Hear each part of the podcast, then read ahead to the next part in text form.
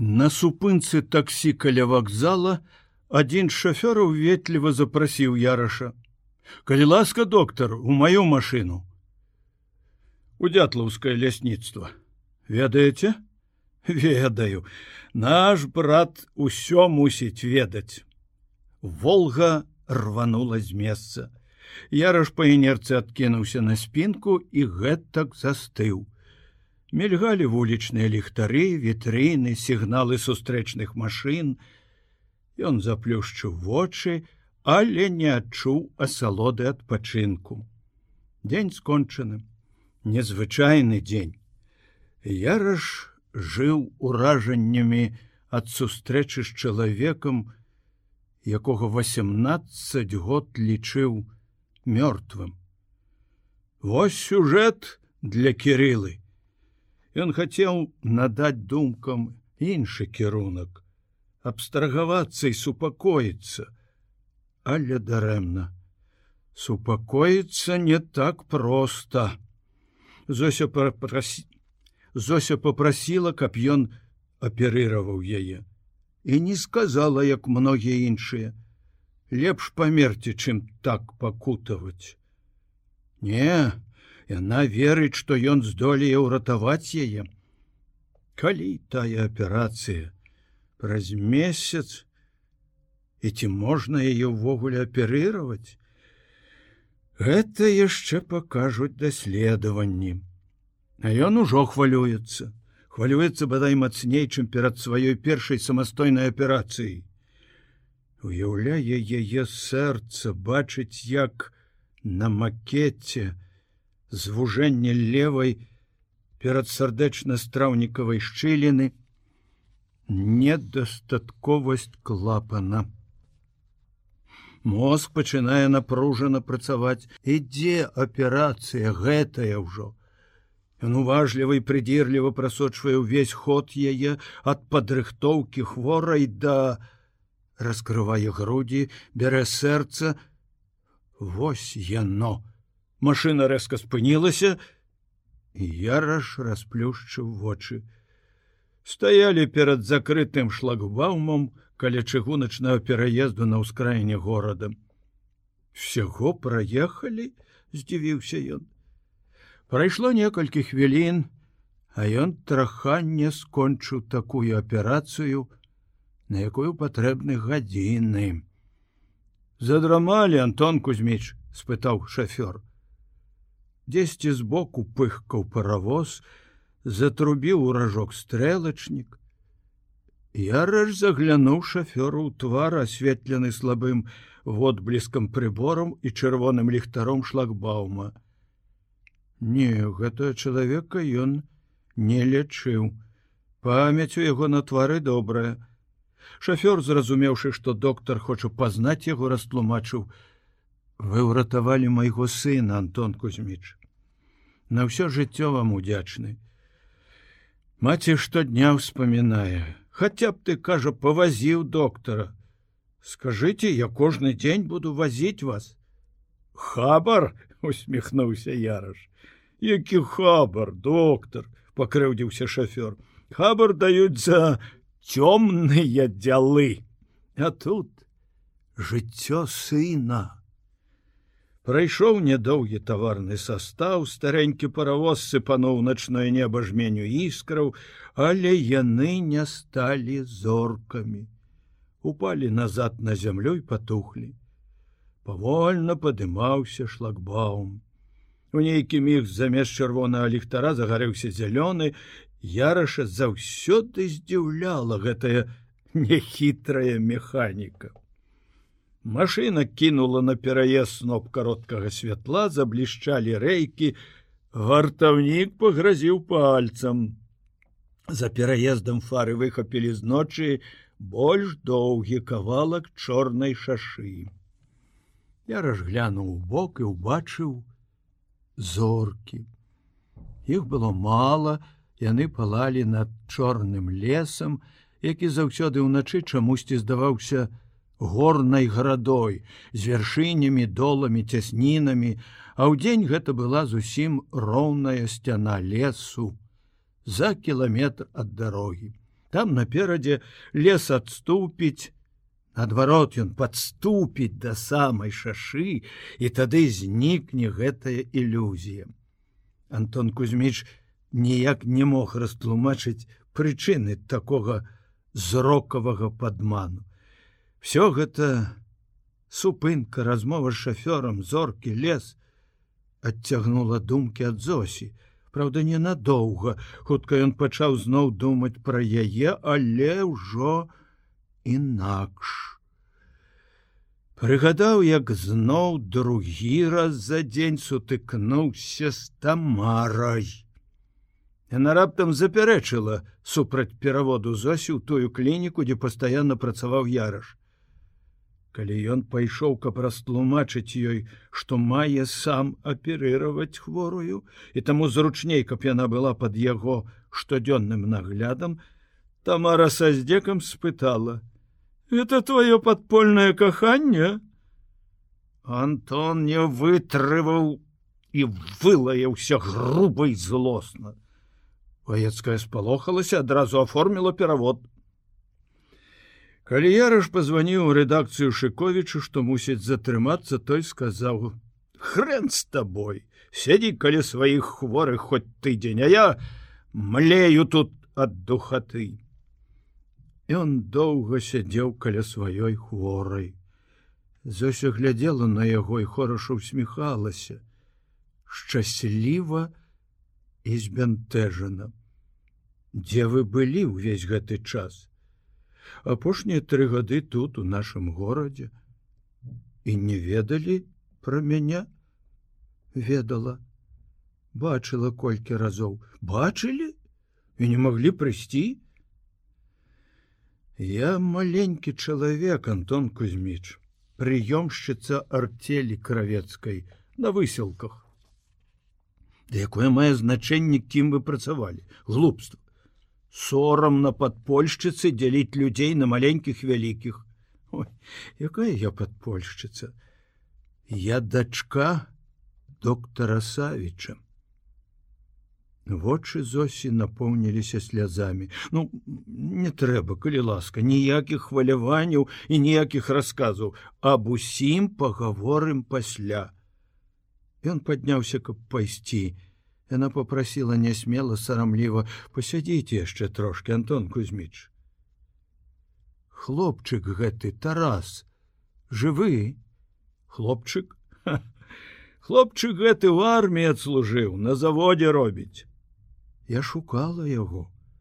Яна як бы вінавата прасіла прабачэння за тое, што не здолела знайсці дзіця. Пасля пасля, не хвалюйте сябе ніякімі ўспамінамі. Сёстры санітаркі хадзілі на пальчыках, гаварылі шэптам, у іх былі спалоханыя твары. Я раша абурыла гэта, але ён змаўчаў, прымусіў сябе маўчаць. Чтоб яны падумалі, каб ён звычайна ветлівы і далікатны з малодшым персаналам раптам накрычаў на іх. Цяпер у машыне ён падумаў, што трэба заўтра ж пра ўсё расказаць Машы і попрасіць, каб яна ўзяла шэфства над зосей, не медыцынскае чалавечае.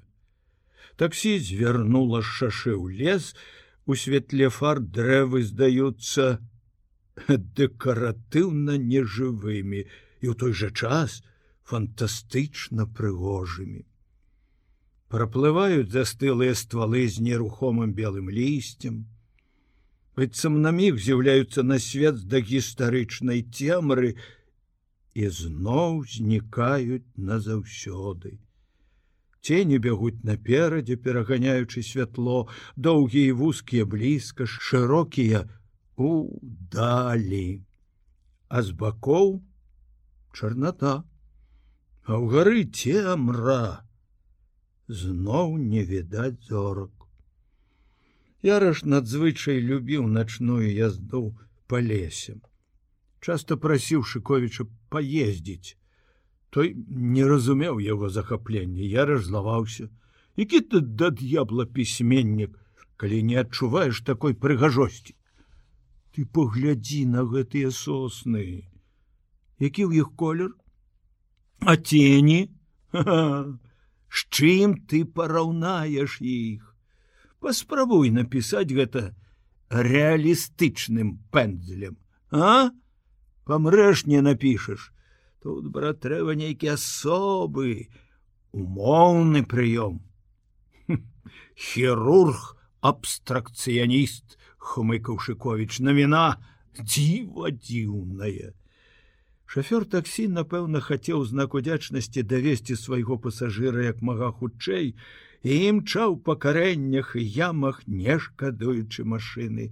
Яраш попрасіў цішэй калі ласка можна? Можна шафёр адразу збавіў хуткасць. Я думаў вы спяшаецеся? Не я люблю паглядзець на лес. О, лясок тут добры, каб такіх сосен на дом. Што было ў вашага сына? Пералом пазваночніка. На будаўніцтве ведаеце няшчасны выпадак. А, помню. Шафёра ўзрадавала, што доктар помніў яго сына, як бы пакрыўджаны за хабар, ён праз усю дарогу маўчаў. Это ему відаць нелёгка давалася, бо калі прорваўся, то пачаў паспешліва і многаслоўна расказваць пра сына, пра сябе, пра ўсю сваю сям'ю. Яраш слухаў і не чуў, глядзеў на лес і думаў. Як у святле фар выплывалі з цемры дрэвы, так і з ночы памяці, выплывалі эпізоды жыцця далёкія блізкія з падполля і сённяшняга дня. Дадачы ён не даехаў спыніўся каля канторы лясніцтва сілком усунуў таксісту грошы і пайшоў пехатой. Свяцілася толькі адно акно на паддашку у шыковіча трэба адвучыць яго ад начной працы падумаў антон кузьміч пра сябра і тут жа пра жонку з пяшчотай. Спіць галка. Тут добра спіцца. Шкада было будзіць яе. Калі под нагамі піснулі ўсход цыганка ён пагразіў ім пальцам чыць потым доўга стаяў нерухома слухаючы і начную цішыню. Не паднімалася рука, каб ціхенька адным пальцам пастукаць у шыбіну веранды. Ён быў упэўнены, што дзверы зачынены, але паспрабаваў асцярожна націснуць на ручку, і дзверы лёгка адчыніліся.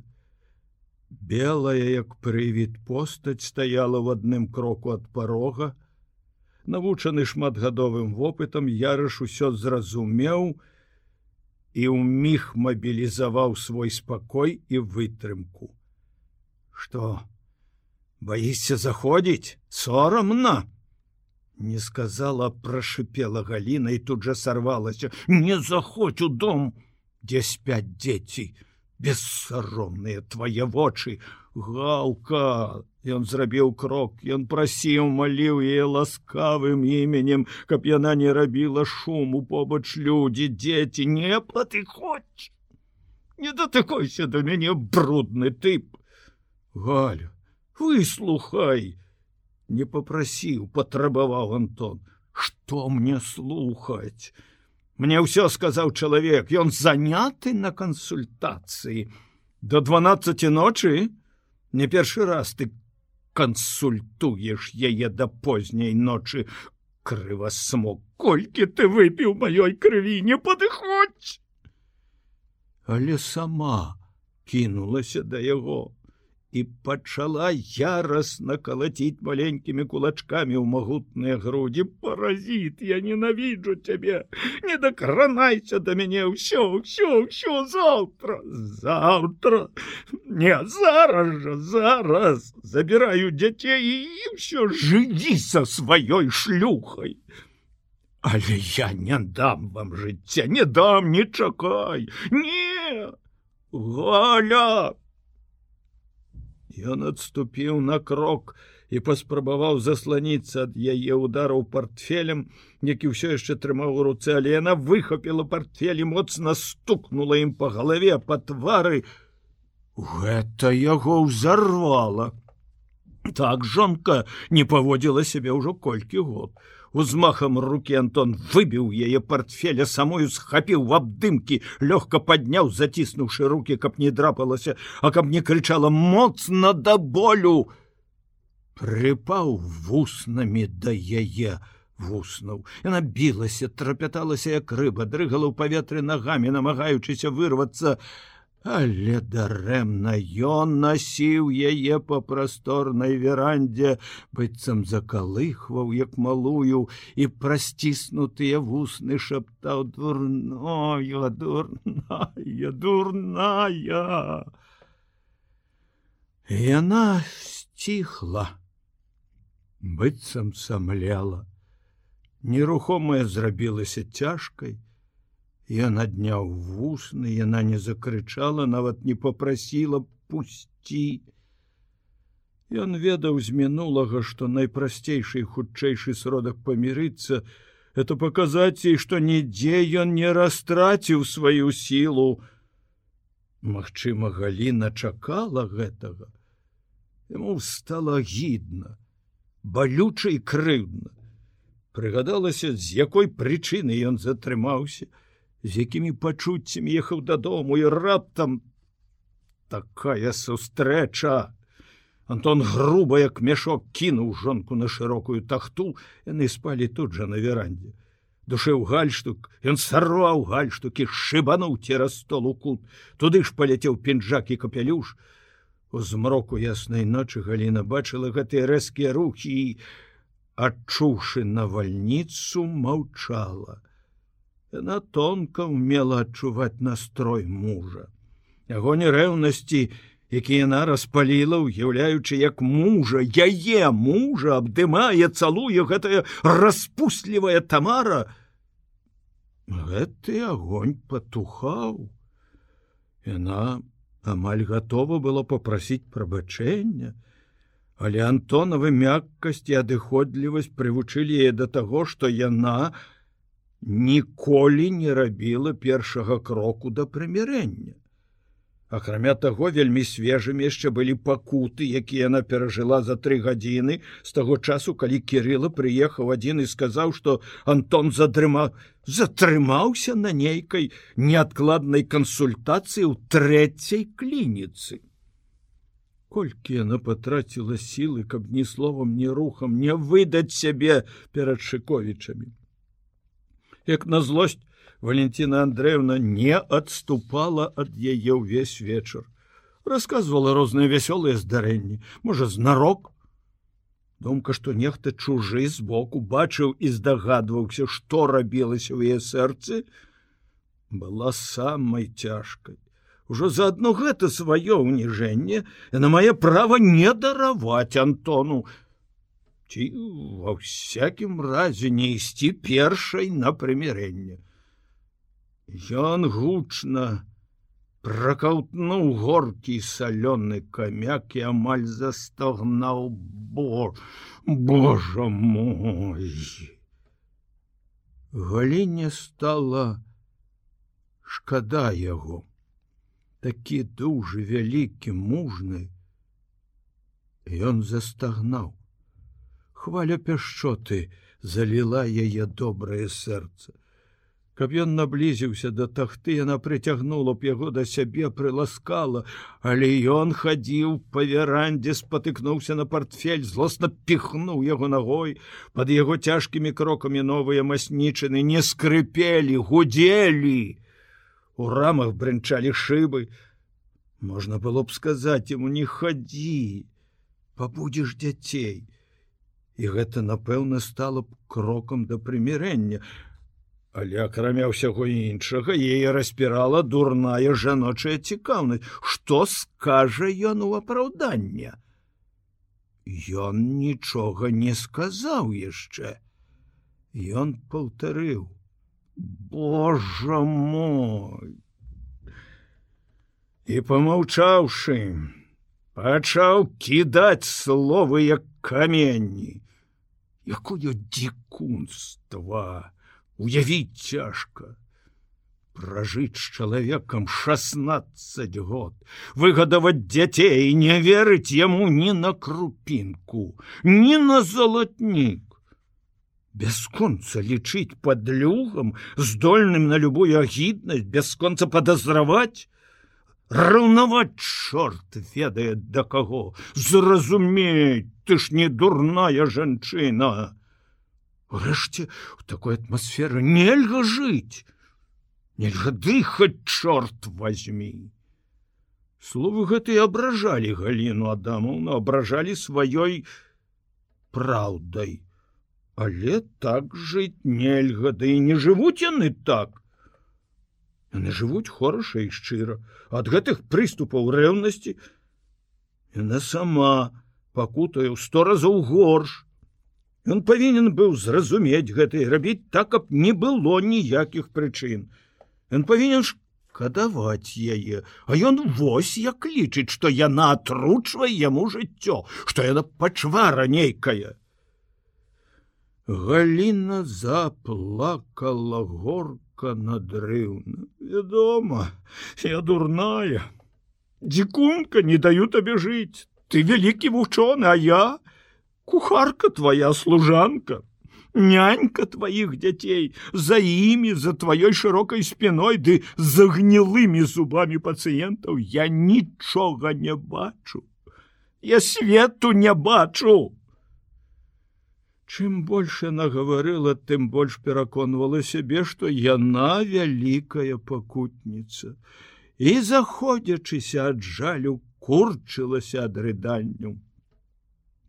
Ды няпраўда гэта, хлусіш ты хацелася крыкнуць ярашу. Хіба ты жывеш горш за іншых? Хіба я не стараюся зрабіць тваё жыццё прыгожым і поўным? Ты сама выдумляешь сабе пакуты. Але ён умеў стрымлівацца Ён добра ведаў жонку яе хваробу у якой магчыма больш за ўсё вінавата тая да каго яна раўнуе. І он пераключыў сваю злосць на тамару падумаў як правучыць гэту разбэшчаную бабу спыніўся каля тахты. Плечы галіны сутаргава ўздрыгвалі і ў яго дрогнула сэрца. Стала шкада жонкі. Сапраўды шмат у чым яна няшчасная. Але хіба ёсць у гэтым яго віна? Можа не так горача ўжо кахаў ён яе але кахаў разважліва спакойна разумна шанаваў асцерагаў ад жыццёвых негод дамагаўся каб была дружба і вера. Чаму ж яна не верыць яму найбліжэйшаму чалавеку? Хіба не крыўдна гэта? Ён прысеў на тахту асцярожна дакрануўся да яе пляча гарачага і прашоў сарочки Галя Яна ўсхліпнула гучней. Ну добра, я бяру свае словы назад даруй, Але будь жа і ты аб'ектыўнай. Мы ж культурныя людзі, і нам не па 20 год, каб сустракаць адно аднаго кулакамі, Ды і ў 20 ты прыніжаеш у першую чаргу самую сябе сваю чалавечую годнасць. Няўжо нельга было спытаць спакойна дзе ты затрымаўся? Я адказаў бы табе я адказаў бы. Ён падняўся усхвалявана прайшоў па верандзе што ў мяне незвычайны дзень. Я сустрэў чалавека які ратаваў мяне ад смерти якога я лічыў мёртвым помніш я рассказываў табе дачка доктора савіча ты не ўяўляеш Муж расказаў першыя гады сумяснага жыцця мноства розных гісторый са сваёй дзейнасці падпольшчыка.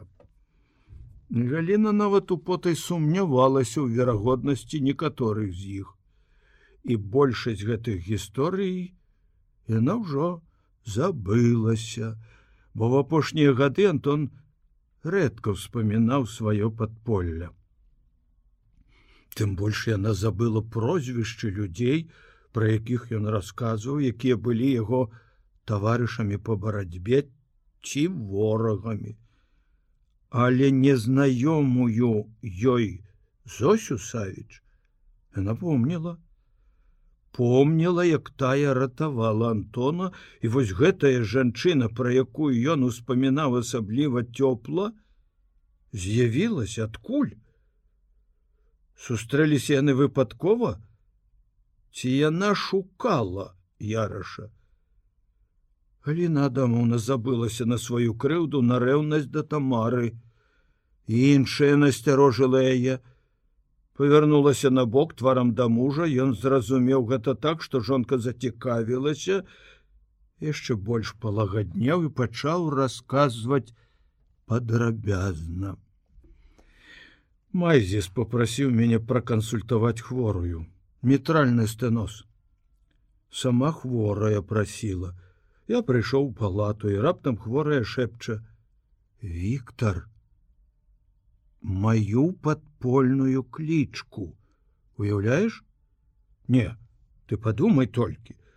18 год я лічыў чалавека мёртвым і вось яна не ўсё расказала мне, але я здагадваюся, што яна перажыла чатыры гады як яна ў нашым горадзе і пазбягала сустракацца дачка доктора савіча гэтым сказана шмат што.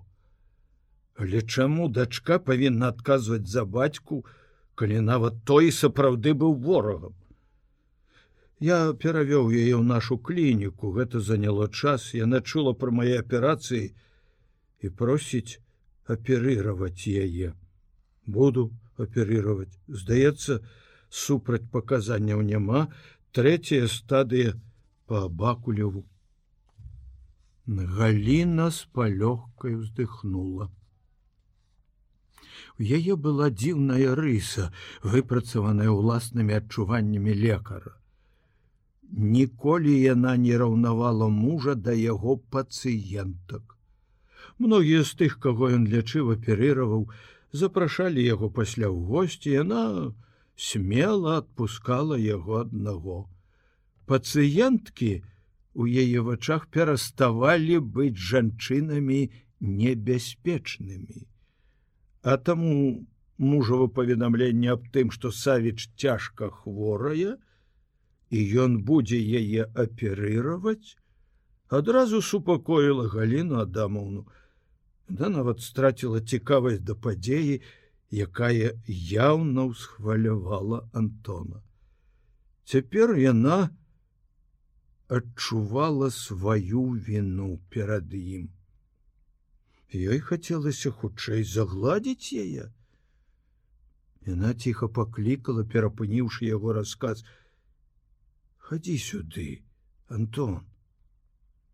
Ён змоўк, пастаяў хвіліну каля стола як бы раздумваючы ісці ці не ісці наблізіўся нерашуча Яна поцягнула яго за руку посадила на тахту прыпала да руки вуснамі даруй мне антоша я дурная слабая і дурная жанчына Яго заўсёды кранала, калі Гліна вось так прасіла прабачэння. Ён губляўся як юнак перад чужой жанчынай і не ведаў, што адказваць. Ну нічога, нічога добра, я не злуюся. Ну, чаго не бывае ў жыцці.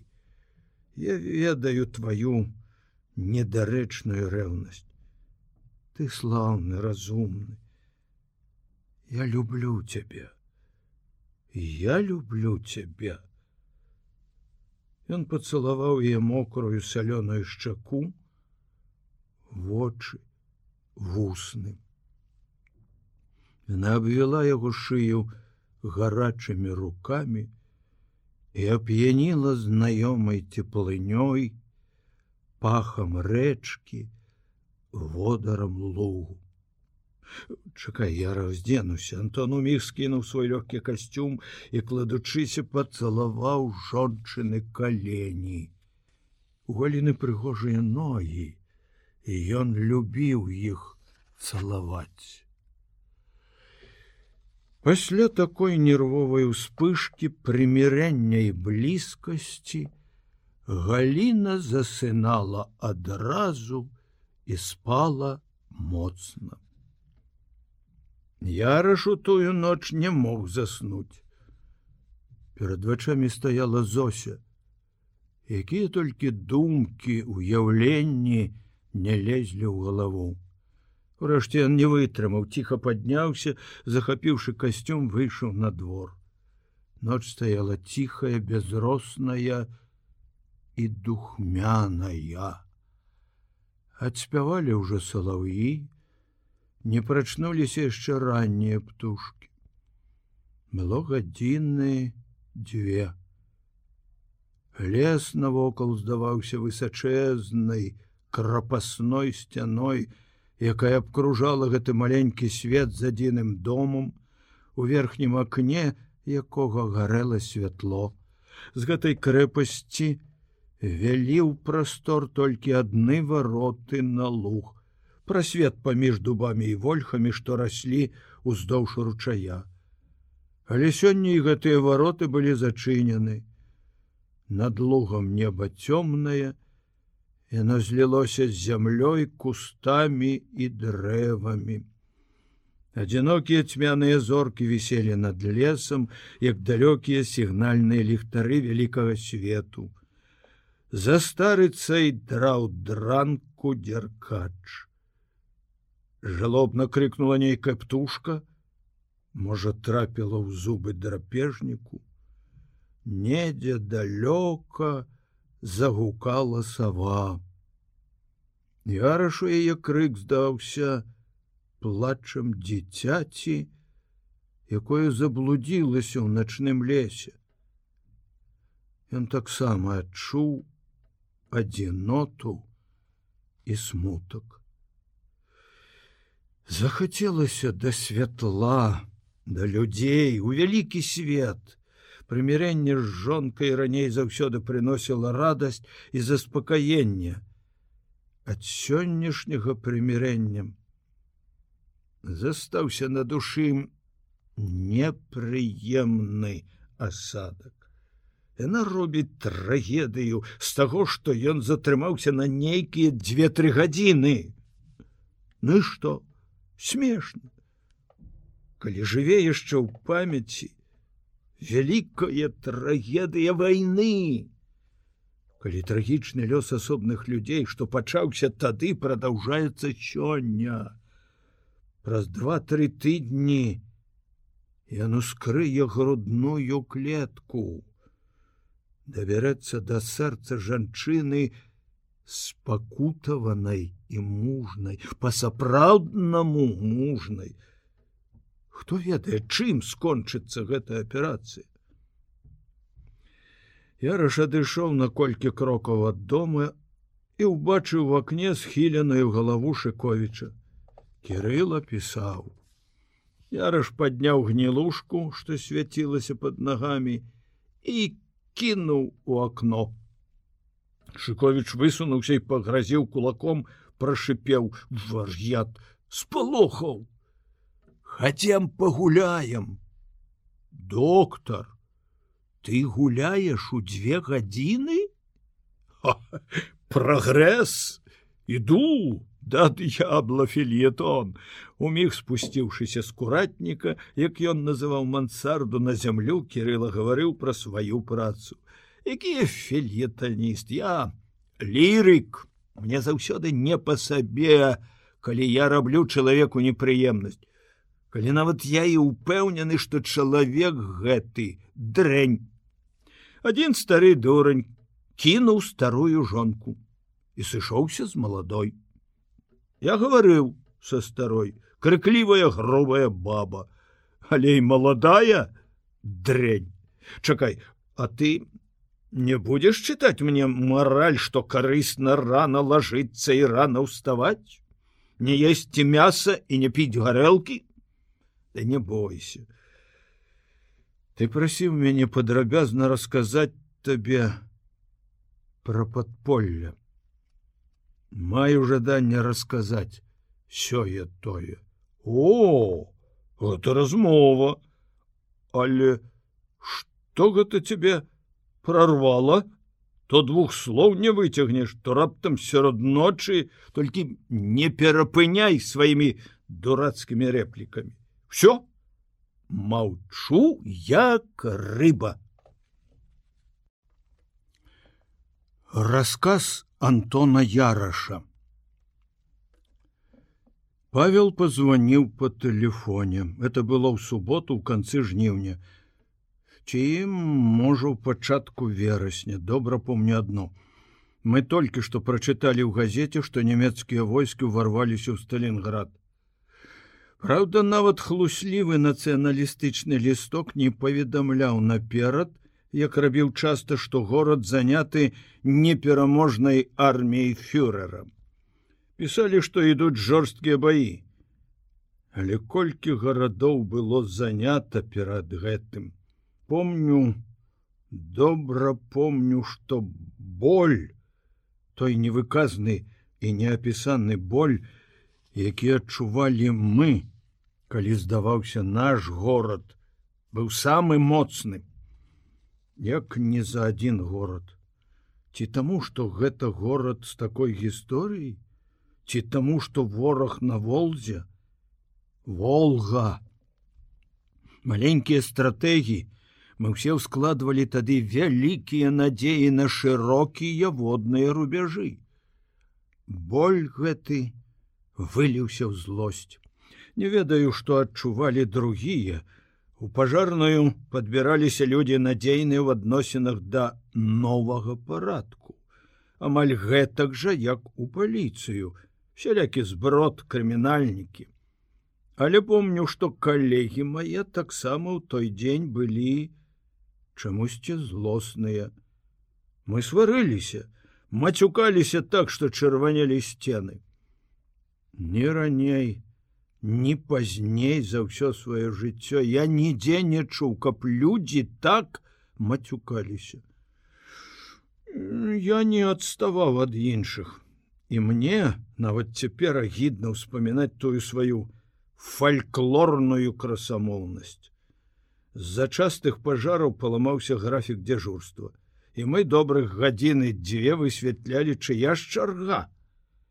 Хто не дапрацаваў, а хто перапрацаваў мінулы тыдзень. Чамусьці ў тую ноч ніхто не хацеў дзяжурыць. Начальнік наш брандмайстер Хіндель, свой немец, Ён і да вайны працаваў нашай пажарнай, затыкаў далонямі вушы і прасіў стомлена жаласліва.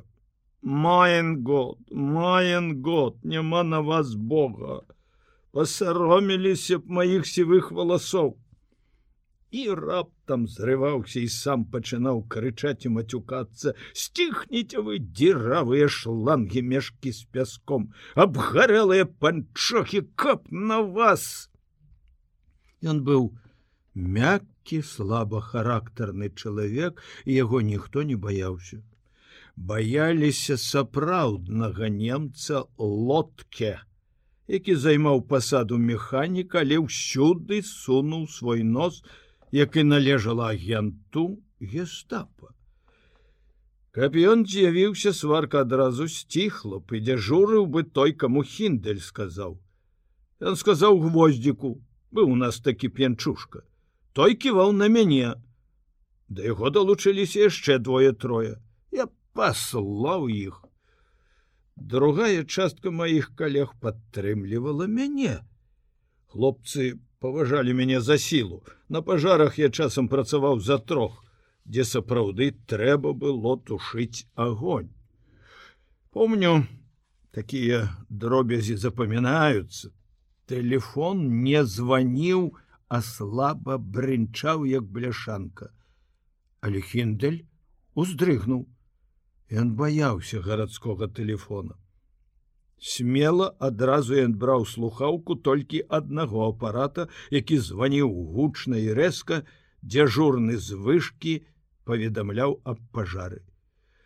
Хіндель працягнуў руку і застыў, чакаючы, што званок сціхне яшчэ адна непрыемнасць міне яго. Але телефон не сціхаў, і брандмайстер мусіў падняць слухаўку. Каго? Кузьму ляшча?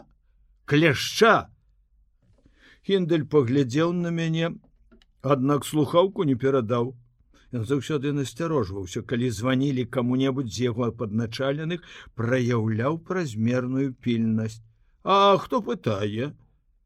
Павел харитонович а навошта вам клешч?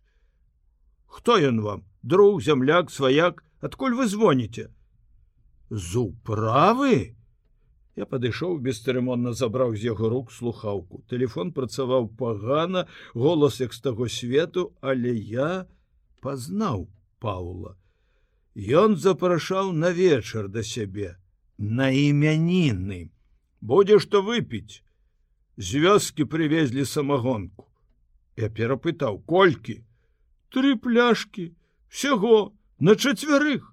Ну, мне гэта, что собаку муха пожарнікі заржалі і тут я ўбачыў лодке. Нізкі крываногі як стары кавалерыст у чорнай зашмальцаванай скураной тужурцы в акулярах з нейкімі зеленаватымі шкламі ён стаяў на парозе і слухаў. Уважліва слухаў. Я яшчэ раз пераканаўся што ён ведае расейскую мову але за тры месяцы як я ў пажарнай ён ні разу не выдаў сябе. Слухаць слухае быццам хоча ўнікнуць у музыку чужых слоў. А потым все перапытвае по-нямецку ён выдатна іграў сваю ролю. Гэтак жа як і я За год акупацыі я папоўніў сваё веданне нямецкай мовы так, як не папоўніў бы, каб скончыў яшчэ тры інстытуты. Але ў гэтай кампаніі я гаварыў десятак хадавых перакручаных слоў, ну не больш. Гвоздзік, відаць, спадзяючыся, што яго падтрымае лодкі пачаў ныць. Ён самагонку будзе піць, а я за яго дзяжур не буду. Лодке спытаў хінделя, пра што спрачаюцца. Той растлумачыў не вельмі далікатна, але з нямецкай дакладнасцю. Я ніяк не мог уцяміць тады іх узаемаадносін. Ды да дагэтуль не ну не разумею, няўжо хіндель не здагадваўся, хто такі лодке і не ведаў што механік гаворыць па-расейску не гор за яго фольксдойче чые чарга дзяжурыць спытаў лодкі. Хвіліну назад хіндель схіляўся што дзяжурыць павінен гвоздзік а тут раптам цвёрда сказаў дзяжурыць будзе клешч і сурова загадаў мне па-расейску дзяжурыць пойдзеш ты я замаліў пан начальнік у прысутнасці лодкі ўсе мы цвёрда трымаліся субардынацыі дысцыпліны ну вы ж самі чулі что мяне толькі што запрасілі на імяніны я даў згоду. Что падумае чалавек лепшы сябра ну прашу вас. Отпусціце яго кінуў лодкі нягледзячы ні на мяне ні на хінделя. Начальнік закіпеў это не пажарная команда на банда п'яніц ці тое было. Пэўна ён хацеў сказаць ці тое было пры саветах але успомніў і асекся лодке сказаў вы стары асёл хіндель добра добра няхай будзе гвоздзік гвоздзік той ускочыў як падменены слухаюся пад начальнік лодке зноў сказаў спакойна без злосці без націску. Вы стары баран хіндель і пайшоў з дзяжуркім гвоздзік мацюкнуўся хіндель суміраваў по-нямецку я стары асёл і стары баран і вылаяўся па-расейску Я змаўчаў, бо мне гэтая кароткая размова і заступніцтва механіка не падабаліся больш, чым каму другому. Дзіўныя прафесіі меў я ў акупацыі. Першую выбраў сам грузчыка. Ну, трэба было рабіць, каб жыць. Там я звязаўся з падпольшчыкамі. Пасля ўзрыву эшалона з авіябомбамі давялося хавацца схавалі мяне хлопцы дасціпна. Уладкавалі ў нямецкі шпіталь вартаўніком у трупярню. Начальнік морга, як здзекліва называлі мяне самі немцы. З мёртвымі фашыстамі я абыходзіўся далікатна і любоўна. Это забаўляла і страшыла жывых. Яны любаваліся маёй фізічнай сілай і цешыліся з маёй дурноты. Я добра такі граў прыдуркаватага здаравяка, які мог выпіць дзве шклянкі чыстага спірту і з'есці пяць шпітальных абедаў. Але нават у мяне студэнта медыка, будучага хірурга, не вытрымалі нервы звычайнаму чалавеку звыкнуцца з мёртвымі. Я попрасіў Паўла знайсці мне новую работу. І што ты думаеш, ён прапанаваў мне неўзабаве? Асенізацыйны абоз, не смейся. Я не прызнаюся дзецям, што працаваў з залатаром. Вядома, я абразіўся, Але Павел даказаў мне, што начныя паездкі, начны пропуск, найлепшая магчымасць перавозак небяспечнага грузу. Это зусім не дрэнна для маёй галоўнай прафесіі падпольшчыка. Сапраўды, хутка я сам пераканаўся, што новая праца моя была шмат у чым зручная. Галоўнае, амаль не трэба было вытыркацца на людзі ў дзень у звычайным выглядзе. Мой рост, моя постаць ну, залішне прыкметныя, А горад нашу акупацыю быў не вельмі густа населены. Зручнасць была нарэшце ў тым, што побач са мной працавалі тупыя абмежаваныя людзі, поўныя крыціны. Наўрад каму прыйшло б у галаву засылаць у такую установу шпіка. А калі я рабіў вылазку ў дзень зусім у новай ролі, у рэдакцыю, напрыклад, калі атрымаў заданне выканаць прысуд над хмарай, я прыходзіў як паэт, прыносіў чужыя вершы любоўную лірыку то амаль бы упэўнены, што не сустрэнуся са сваімі калегамі па начной рабоце. Многа правалаў было выпадковых. Сустрэнецца добры чалавек, але плясне ў голас сапраўднае прозвішча, стары адрас ці яшчэ што і гатова правал.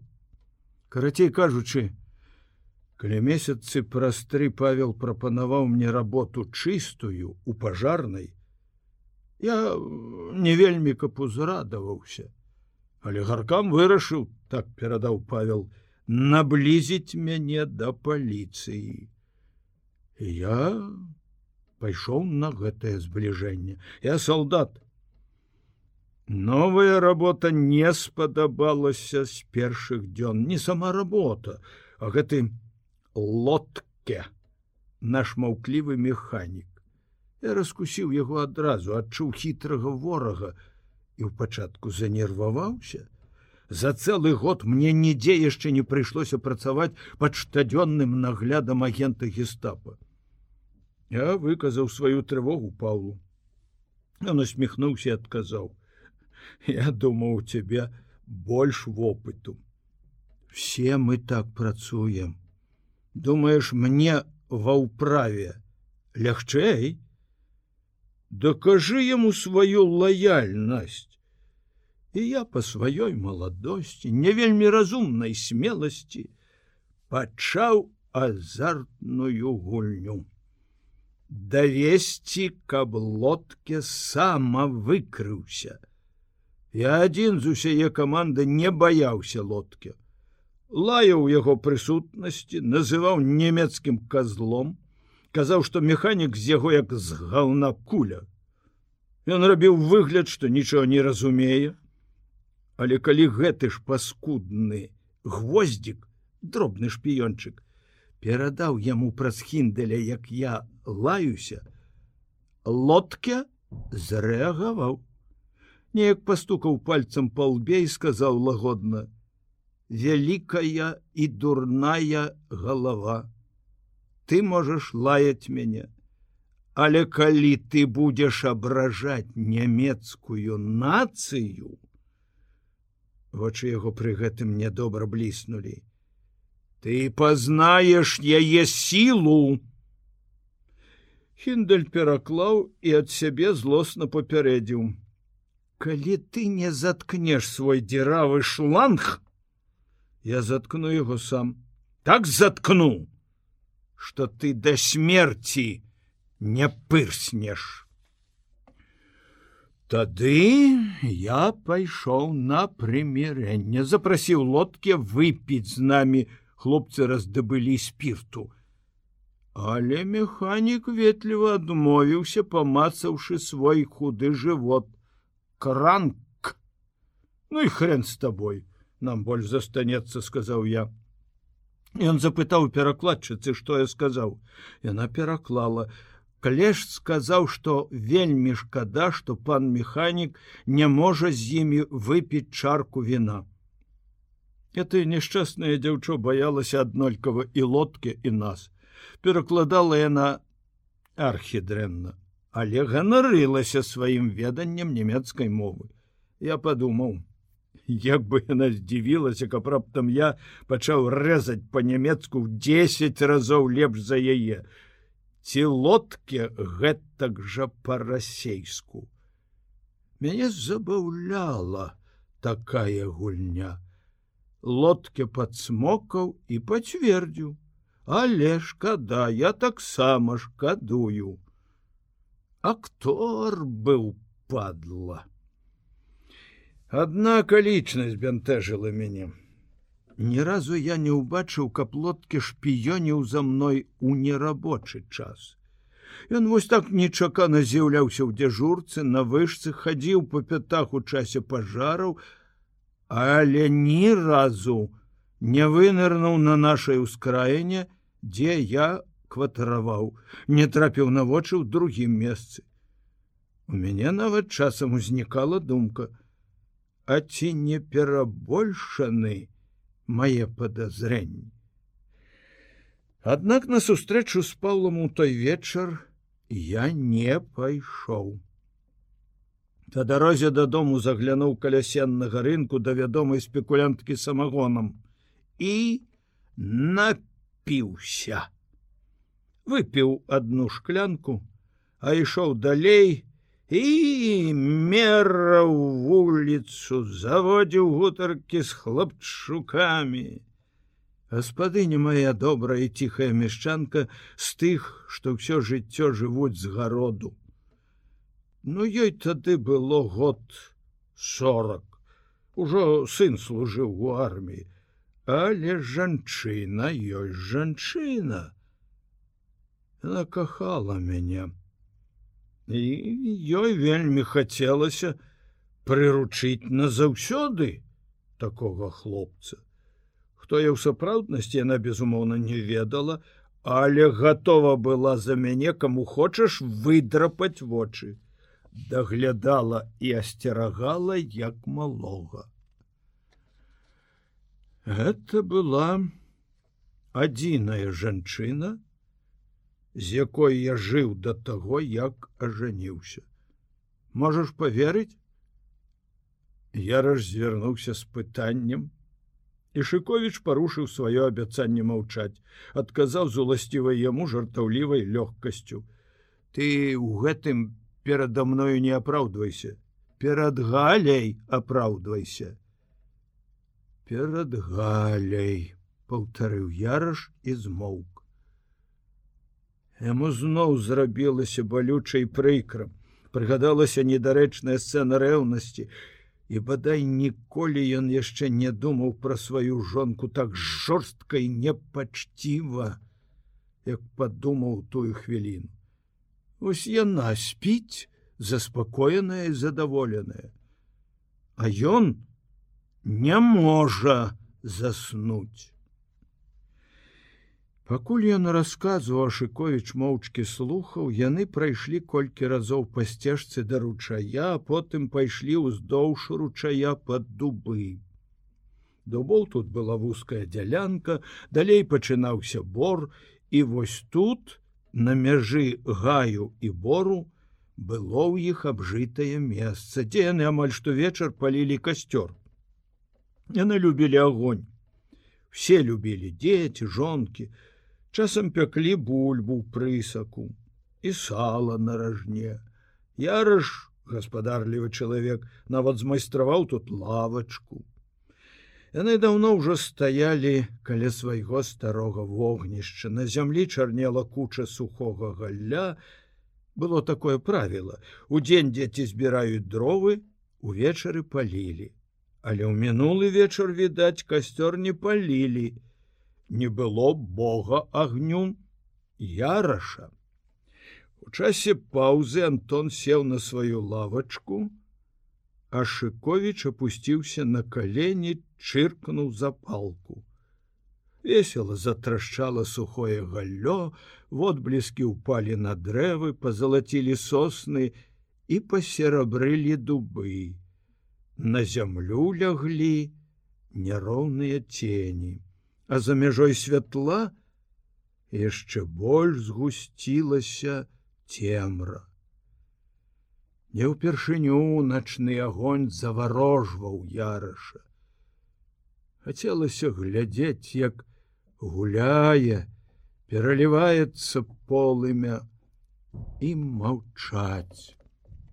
Цяпер жаданне помаўчаць, зрабілася асабліва моцная.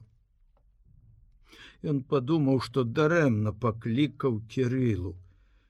Трэба было прыйсці сюды аднаму і запаліць гэты цудадзейны агонь.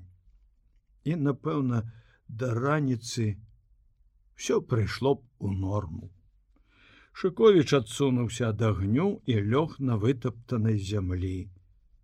Інтуітыўна, Ён адчуваў настрой сябра і верны слову цярпліва чакаў. Ты ведаеш, а ты жанчына жыве і цяпер все там жа на падгорнай у сваім доме.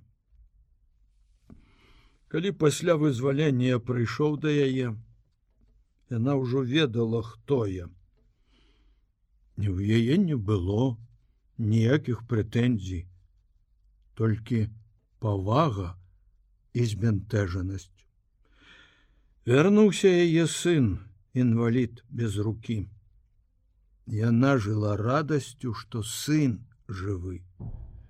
Знаёмячы нас яна сказала, што я вядомы кіраўнік падполлю і што яна таксама аказвала маленькую дапамогу падпольшчыкам і вельмі была рада, калі я пацвердзіў гэта.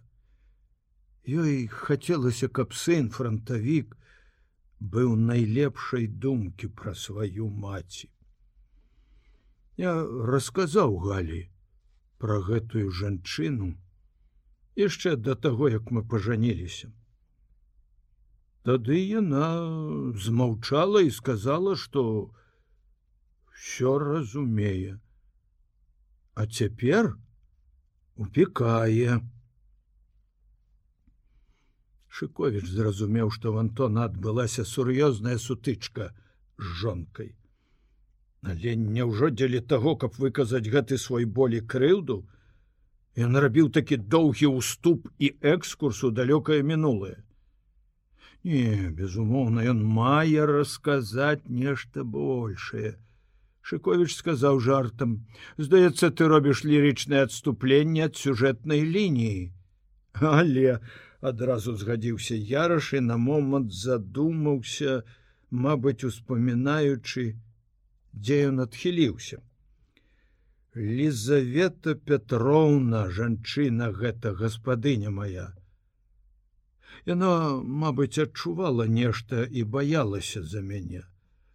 А таму любіла, калі я прыходзіў як пажарнік, як служачы сур'ёзнай патрэбнай установы, але падвыпіўшы. Але я ніколі яшчэ не прыходзіў вось так у дым.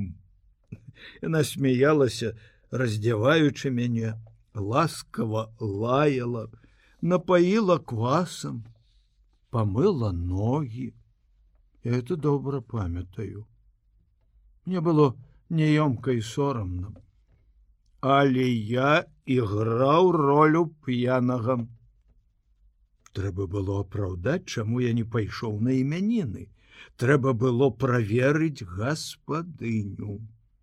Жыло ў мяне нейкае інтуітыўнае, подказанае Бог ведае якім пачуццём адчування што менавіта ў гэты вечар я выкрыю лодке даведаюся хто мой прыліпала. Упершыню ў той дзень з'явілася подазрэнне што памочнікам лодке з'яўляецца гаспадыня. Я захроп на ўвесь дом а сам уважліва слухаў і хутка пачуў. Можна да вас? Калі ласка кватарант дома? Дома дзе? Спіць спіць? Так рано спіць ай я я я яй выпіў чалавек выпіў Няўжо выпіў? Ай я яй так выпіў што зваліўся з ног такі дуб. Ай-яй-яй это зараза любога зваліць з ног. Можа можа і мабыць не паверыўшы гаспадыні што я дома чалавек з тоненькім далікатным галаском заглянуў у мой пакой ай-яй-яй храпе на ўсе застаўкі я не верыў сваім вушам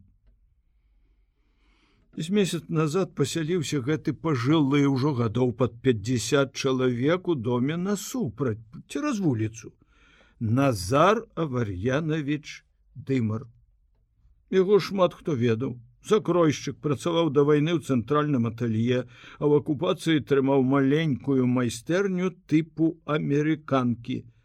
Рамонт верхняй вопраткі хутка танна. У яго быў свой дом у раёне таварнай станцыі и але згарэў, калі нашы самалёты бомбілі скапленні ваенных эшалонаў. Пры бамбёжцы загінула жонка. Так ён расказваў мне ўсім на вуліцы. Мы з ім амаль штодзённа сустракаліся, сядзелі на лавацы каля яго кватэры.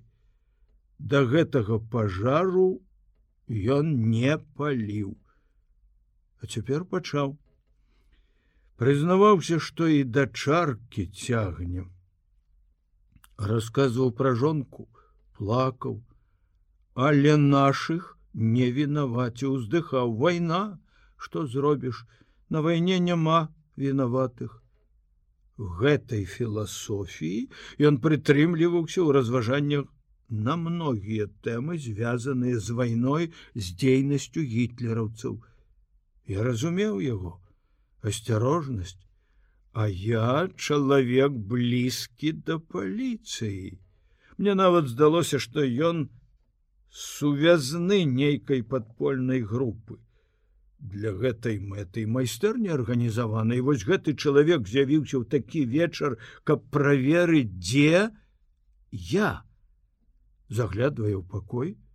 Раней ён ніколі не заходзіў да мяне. Вось так папросту куды знікла яго далікатнасць гаспадыня запытала навошта я яму табачку хацеў пазычыць цэлы дзень не паліў ажно вушы напухлі Няўжо ён ці гэта выпадковасць стары чалавек акуратны спакойны я ляжаў і ўспамінаў аналізаваў усе сустрэчы і размовы з ім прыгадалася што разы два я сустракаў яго нечакана на далёкіх ускраенных вуліцах.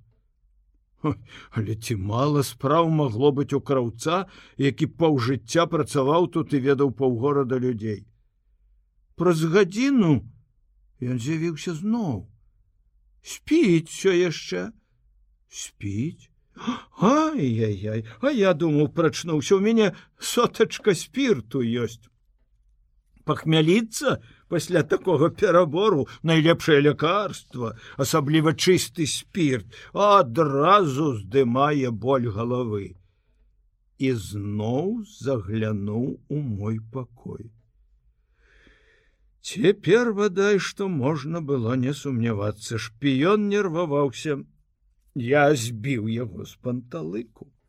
Ён яўна не выконваў нейкага вельмі пэўнага задання. Уф і ўзлаваўся я на яго, на гэтага старога здрадніка.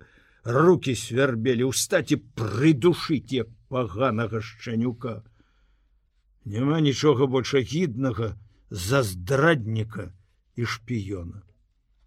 Але моя злость была подвоеная, Як магло здарыцца, што я з першага дня раскусіў мацёрага агента сд лодке і больш за месяц вадзіў за сабой такога нікчэмнага прыліпалу. Але самае дзіўнае ведае што гаспадыня моя, расказаўшы раніцай як двойчы прыходзіў назар авер'янович нечакана заключыла не падабаецца мне кузя гэты чалавек. С паулам я сустрэўся на другі дзень у нядзелю. Не вельмі ўпэўнены што лодкі не ведаў ад каго я атрымаў запрашэнне на імяніны. Я не пайшоў да яго на кватэру хоць належным чынам і застрахаваў сябе і ад краўца і ад любых других хвастоў. Я пайшоў на балотную да цёткі любы, каб гэтая пранырлівая гандлярка схадзіла на каштанавую да Паўла і звяла нас. І там сустрэў Паўла. Ён прыйшоў туды з тым жа намерам выклікаць мяне. Як заўсёды ён быў інтэлігентна апрануты ў капелюшы ў добрым касцюме ў гальштуку, паліў цыгареты, як належала работніку правы. У любых абставінах ён трымаўся надзвычай спакойна і упэўнена і не надта асцярожна. Часам нават парушаў тыя правілы канспірацыі, якія сам устанавліваў. Неяк на зборы нашай пяцёркі мы сказалі яму пра гэту.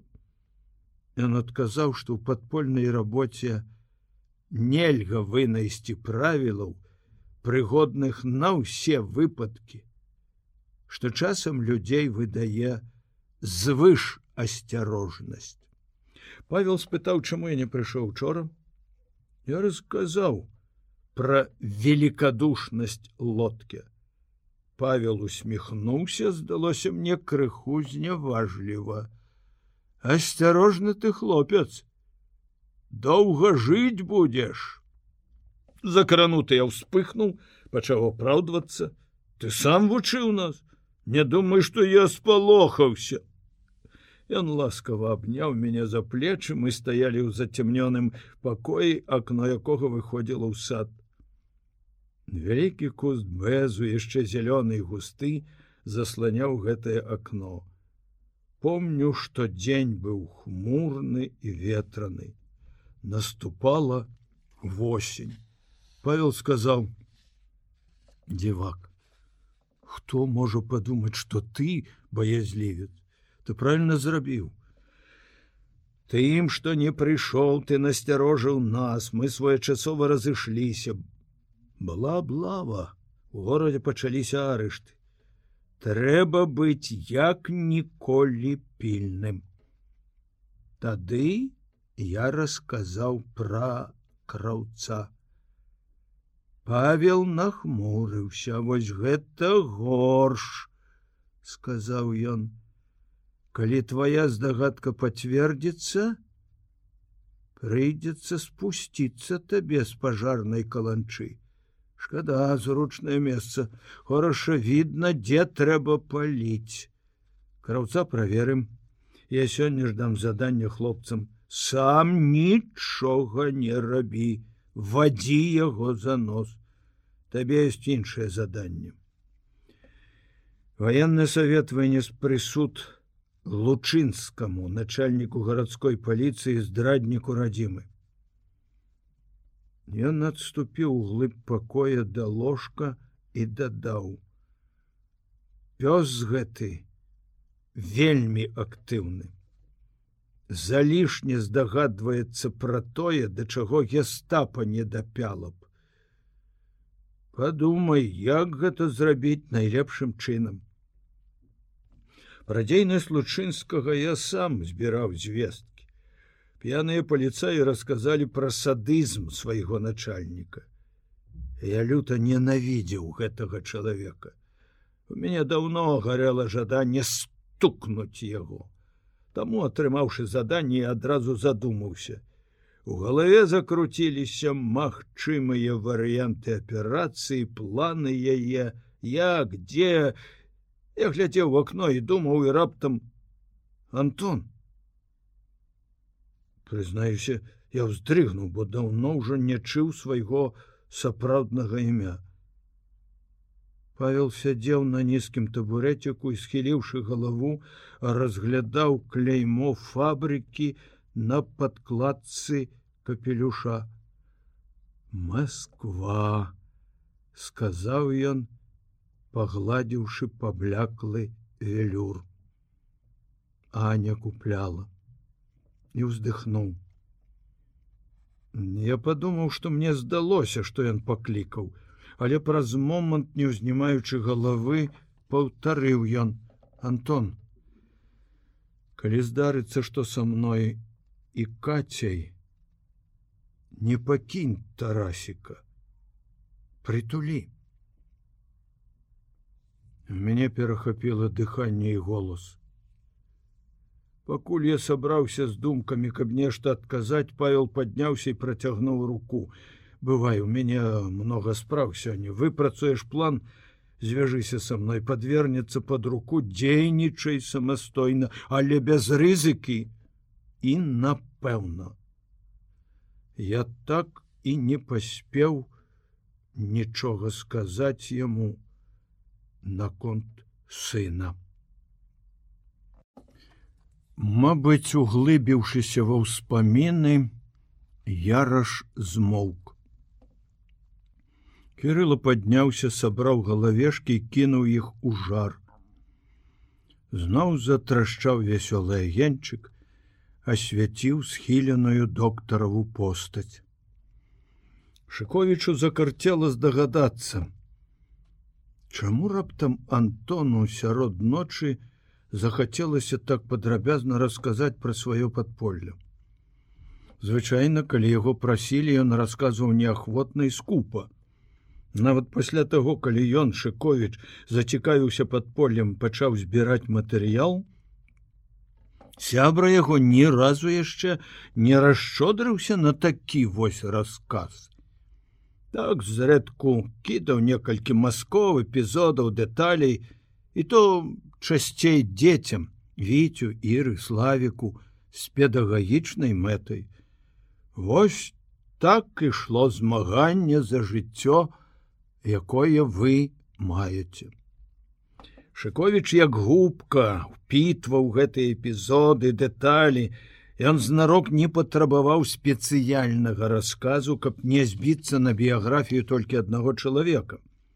Чэрпаў матэрыял з іншых крыніц, а яраша як бы трымаў у рэзерве.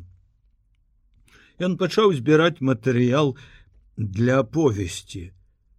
Але хутка пераканаўся, што пра падполле іх горада трэба сказаць нейкае новае слово у нарысавым жанры. Таму в апошні час больш цікавіўся дакументамі. Яму крыху не падабалася, што Ярыш выбраў для расказу такі час і месца, калі нічога нельга занатаваць. А на сваю памяць у 45 год ён не вельмі ўжо спадзяваўся. Але пры ўсёй сваёй сяброўскай блізкасці, Ён не адважваўся што-небудзь сказаць, няхай жартам з гэтай прычыны, адчуваючы, што Антона па-сапраўднаму нешта ўсхвалявала. Каб перапыніць паўзу Шковіч сказаў: « Зямля дыша цеплынёй. Лажыся, не шкадуй касцюма. Яраш абышоў вогнішча і лёг з другога боку разам з дымам кастра патхнула добрай папяросай. Яму таксама захацелася запаліць. Ён кінуў паліць год шесть таму. Толькі пасля цяжкіх аперацый яго цягнула запаліць, а так не, А тут раптам можна засмактала ў грудях перасохла ў роце, але ён напружыў волю і не попрасіў у шыковіча папяросы. Каў ну горкую сліну. Дні праз тры цётка Люба паведаміла мне, што павел арыштаваны. Каб ты ведаў, што я перажыў, які болі страх і разгубленасць не было Павла. У каго спытаць парады, што рабіць? Еста палёгка можа дакапацца, што мы трымалі сувязь, уцякаць, Але ўцячы гэта напэўна выдаць сябе. І тады ўжо не будзе ніякай магчымасці выканаць заданне гаркама і паўлаву просьбу. Где тарасик? Что з ім тетка люба паведаміла мне про арышт на рынку калі я купляў яе пиражкі оглушаны спалоханы мне не сорамно прызнацца дрогнула сэрца что там таится. Я не паспеў спытаць про катю тарасика Да і нельга было гутарыць доўга, якая можа быць гаворка паміж гандляркай і пакупніком навокал шпікі. Пасля дзяжурства я пайшоў да цёткі любы на кватэру. Яна спалохалася ў суседнім доме засада, арыштаваны стары рабочы друкарні яго жонка. Люба праслязілася, гэтая жанчына камень, як мы называлі яе, скардзіцца. Я два гады з суседкай не размаўляла. Яна маіх курэй атруціла жылі як ворагі і не ведалі, што адну справу робім Божа мой, можа на смерть людзей павезлі. Што яны падумаюць пра мяне? І цяпер Ой цяжкая моя доля, Жандара фрыца і бобіка, што сядзяць там. Я з самагонкай пачаставала піражкамі, каб другімі вачамі глядзелі на мой дом. Але як затое зірнула на мяне суседка з таго боку. Чого добрага падумаюць людзі што гэта я выдала романа тихоновича скажу тебе страшная рэч у таких абставінах подазронасць мне і цяпер сорамна что я у подумаў у той міха можа правда гэтая гандлярка правакатарка тетка люба нібы пачула мой душевны шэпт по адразу высушыла вочы выставила на стол пляшку. Я спытаў пра паўлаву сям'ю. Кацю арыштавалі разам з братом куды дзяваўся хлопчык невядома у кватэры наш чалавек быў. Няма. Там усё разрабавана. Заўтра заўтра суседзяў абыдзем. Няўжо і дзіця забралі і рады? Жанчына сказала гэтыя словы так што знікла моя падазронасць. Не такая жанчына ніколі не здрадзіць ні мужу ні дому ні справе ні тым больш айчыне. Магчыма з-за пошукаў дзіцяці і новых сувязей. Я не спяшаўся з выкананнем задання бо ведаў пасля такой акцыі калі застануся жывым мне прыйдзецца пакінуць горад. Як жа я знайду паўлавага сына Безумоўна былі і другія прычыны не было з кім параіцца не трапляў зручны выпадак а пасля лучынскі некуды паехаў. Казалі ў варшаву вопыт пераймаць ці што? Знік і лодке хіндель сказаў што ў механіка захварэла маці і ён паехаў на пабыўку ў нямметчыну.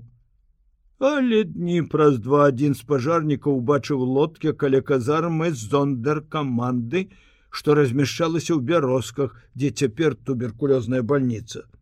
Ясно. Агент выконваў іншае заданне ў горадзе ішлі арышты. Мне ніяк не ўдавалася звязацца з кім-небудзь з кіраўнікоў падполля сябрамі гаркама. Настрой у мяне быў цяжкі, жахлівы. Я зразумеў, што пры ўсёй незвычайнасці заданняў, якія мне давялося выконваць, падпольшчык я малавопытны і слаба загартаваны. Маладому самаўпэўненаму мне адзін час давалася, што я ўсё магу, што я лет не галоўная фігура ў падполлі. Цяпер жа зразумеў. Всё, што я зрабіў, гэта заслуга тых, хто нябачна, асцярожна і мудра кіраваў дзейнасцю такіх, як я.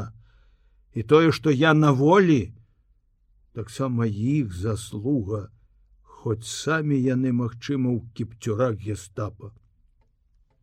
За тыя дні я стаў другім чалавекам, за тыя два тыдні, з дня арышту Паўла прайшло роўна два тыдні. Калі чакаеш нечага незвычайнага, жывеш у напружанасці, запамінаецца кожны дзень. Гэта адбылося 18 верасня. Я змяніўся значнога дзяжурства на каланчы. Ночы раніцы былі ясныя і холодныя па-асенняму. Помню, я моцна акалеў ніколі не быў прыхільнікам выпіўкі, але ў тую раніцу мне хацелася хутчэй сагрэць душу і цела. Ведаючы, што ласкавая гаспадыня з-пад зямлі дабудзе для мяне чарку, а цёплая пасцеля само сабой чакае, я спяшаўся дадому. Але пры выхадзе з пажарнай мяне затрымалі гестапаўцы. Не, не раштавалі а ветліва попросили вернуться назад. Яны умели быть ветлівымі ў такія моманты, гэтыя звяры. У людзей, якія ішлі на работы, яны правяралі дакументы, але дазвалялі прайсці. Чаму не выпускалі нас? Мы населі на хіндаля. Ён, як заўсёды з'явіўся на службу раней за ўсіх, няхай пойдзе высветліць. Стары немец вярнуўся спалоханы ўсхваляваны на наше запытанне адказаў крыкам і лаянкай той, хто хоча ўсё ведаць, нядоўга жыве ў наш час. Невядома, ад чаго ён нас перасцерагаў. Чаму не сказаў праўду? Гестапа не рабіла сакрэту, наадварот, як мы зразумелі пасля, Яны хацелі, каб сабралася больш людзей. Відаць, не спадзяваліся на добраахвотны збор. Ты помніш, да вайны пажарная была на плошчы. Не толькі з каланчы, але і з вокнаў другога паверха, дзе змяшчалася дзяжурка, плошча была як на далоні. і мы убачылі я першы убачыў прыйшлі грузавікі доўгія лесавозы і салдаты сапёры пачалі згружаць. Я не адразу зразумеў што гэта. Нехта іншы з пажарнікаў глянуў у акно і ахнуў. Шыбеніцы! Але гэта былі шыбеніцы нямецкай акуратнасцю зробленыя недзе ў майстэрні трывалыя нават пафарбаваныя ў нейкі брудна-шэры колер масавая вытворчасць. Салдаты хутка умело ламалі брук і закапвалі іх у зямлю. У адзін рад ад увахода ў парк да царквы. На адной адлегласці рабілі яны хутка і спрытна. Можна было падумаць што гэта іх штодзённая работа я зразумеў. Здагадка гэтая апаліла мозг. Павесяць падпольшчыкаў маіх таварышаў кіраўнікоў Мачыма паула што я мог зрабіць каб ратаваць іх Яраж змоўка стывала вогнішча шыкові часта і шумна дыхаў праз тоўстыя камлі дубоў пачаў прасвечвацца белы луг сонна адгукаліся першыя птушки дзесьці далёка далёка за ракой спявалі пеўні. Я не умею і не люблю расказваць пра гэта. У мяне няма слоў. Яны здаюцца мне абразлівымі звычайныя словы. Я не маю права расказваць спакойна, але бач расказваю прыйшлі гады.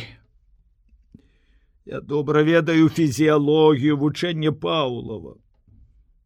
Але калі адзін хворы неяк пачаў даказваць мне, што мозг можа згарэць ад думак, я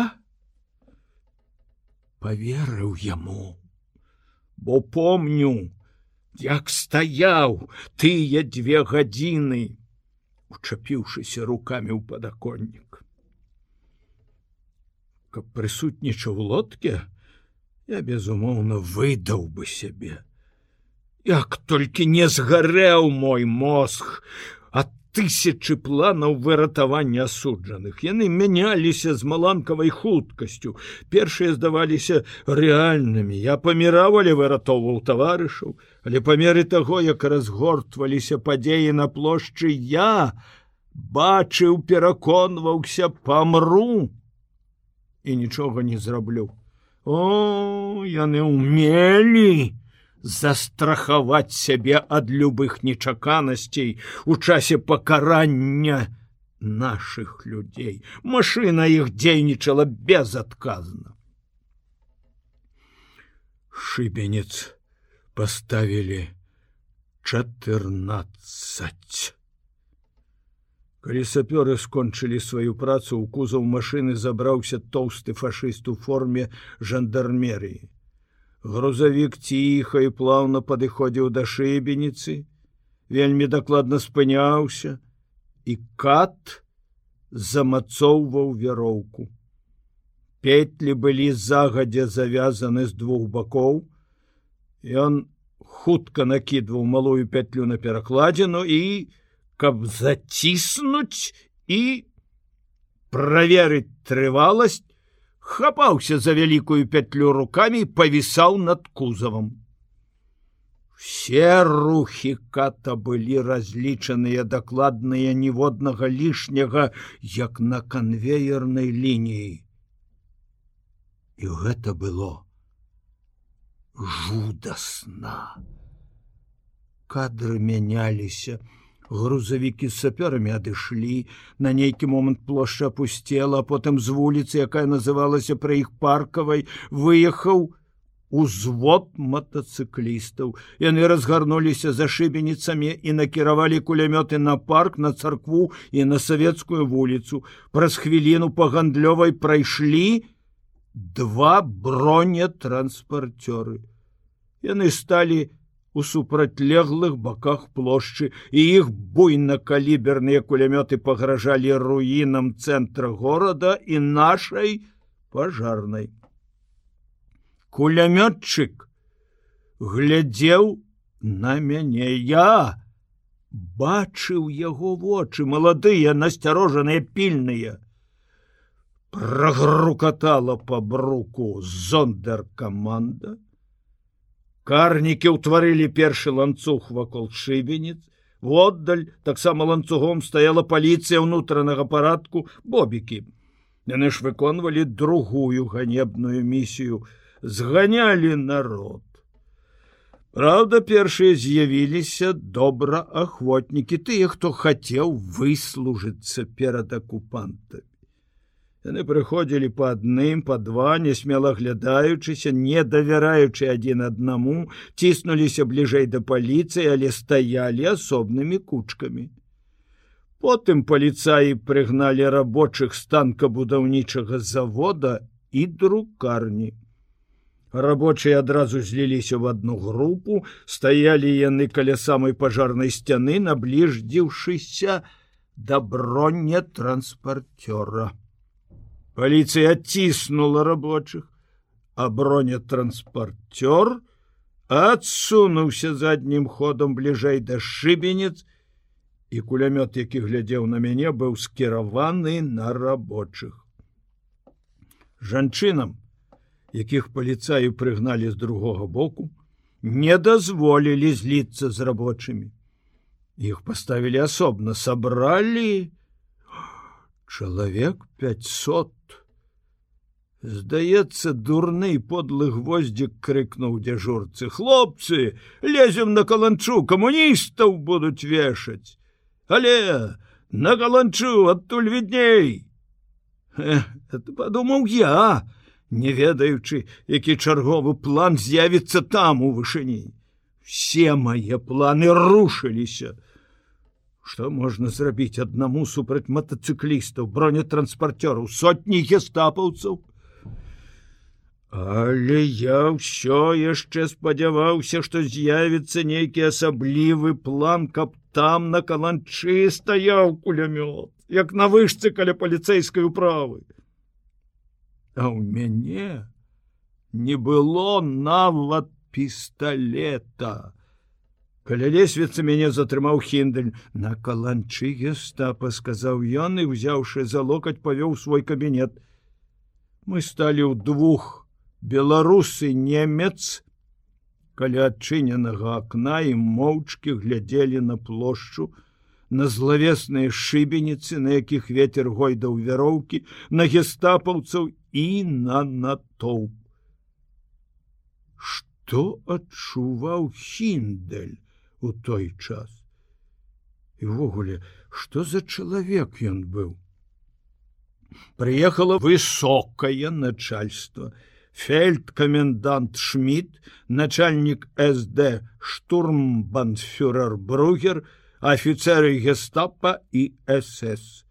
Следам за імі лакеі, бургамест Цішченко, начальнік паліцыі Лучынскі і іншыя здраднікі. Я шмат каго з іх добра ведаў. У мае падпольныя абавязкі ўваходзіла вывучэнне ворагаў. І вось недзе ўнізе на савецкай непрыемна зараўла сірена. Два вялікія чорныя фургоны за імі грузавік з эсэсаўцамі хутка выехалі на плошчу і круто павярнуўшыся, спыніліся каля першай шыбеніцы.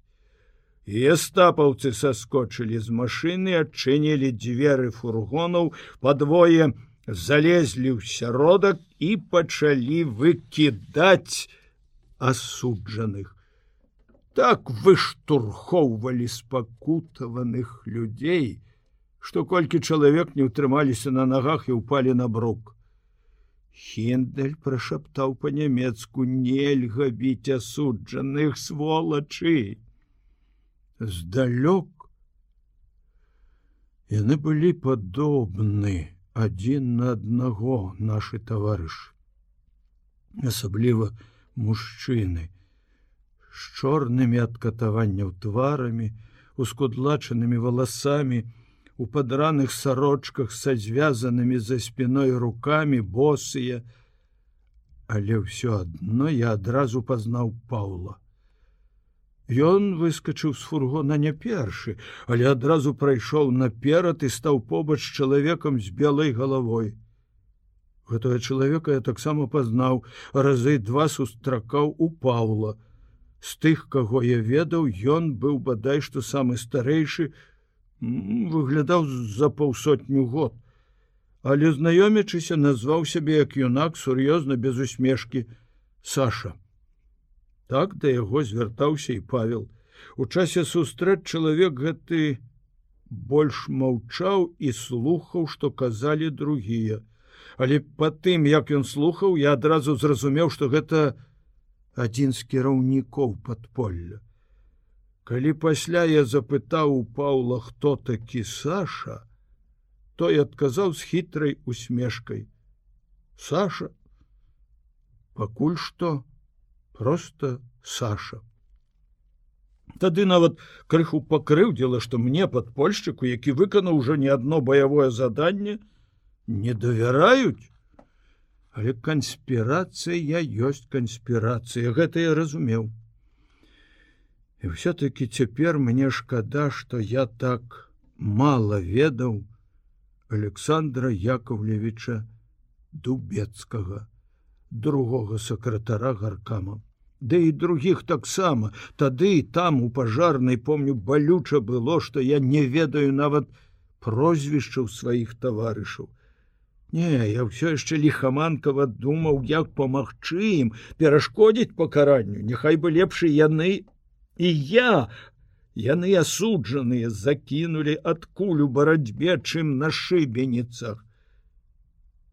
Але что я мог зрабіць адзін маю рух і мяне знішчылі б.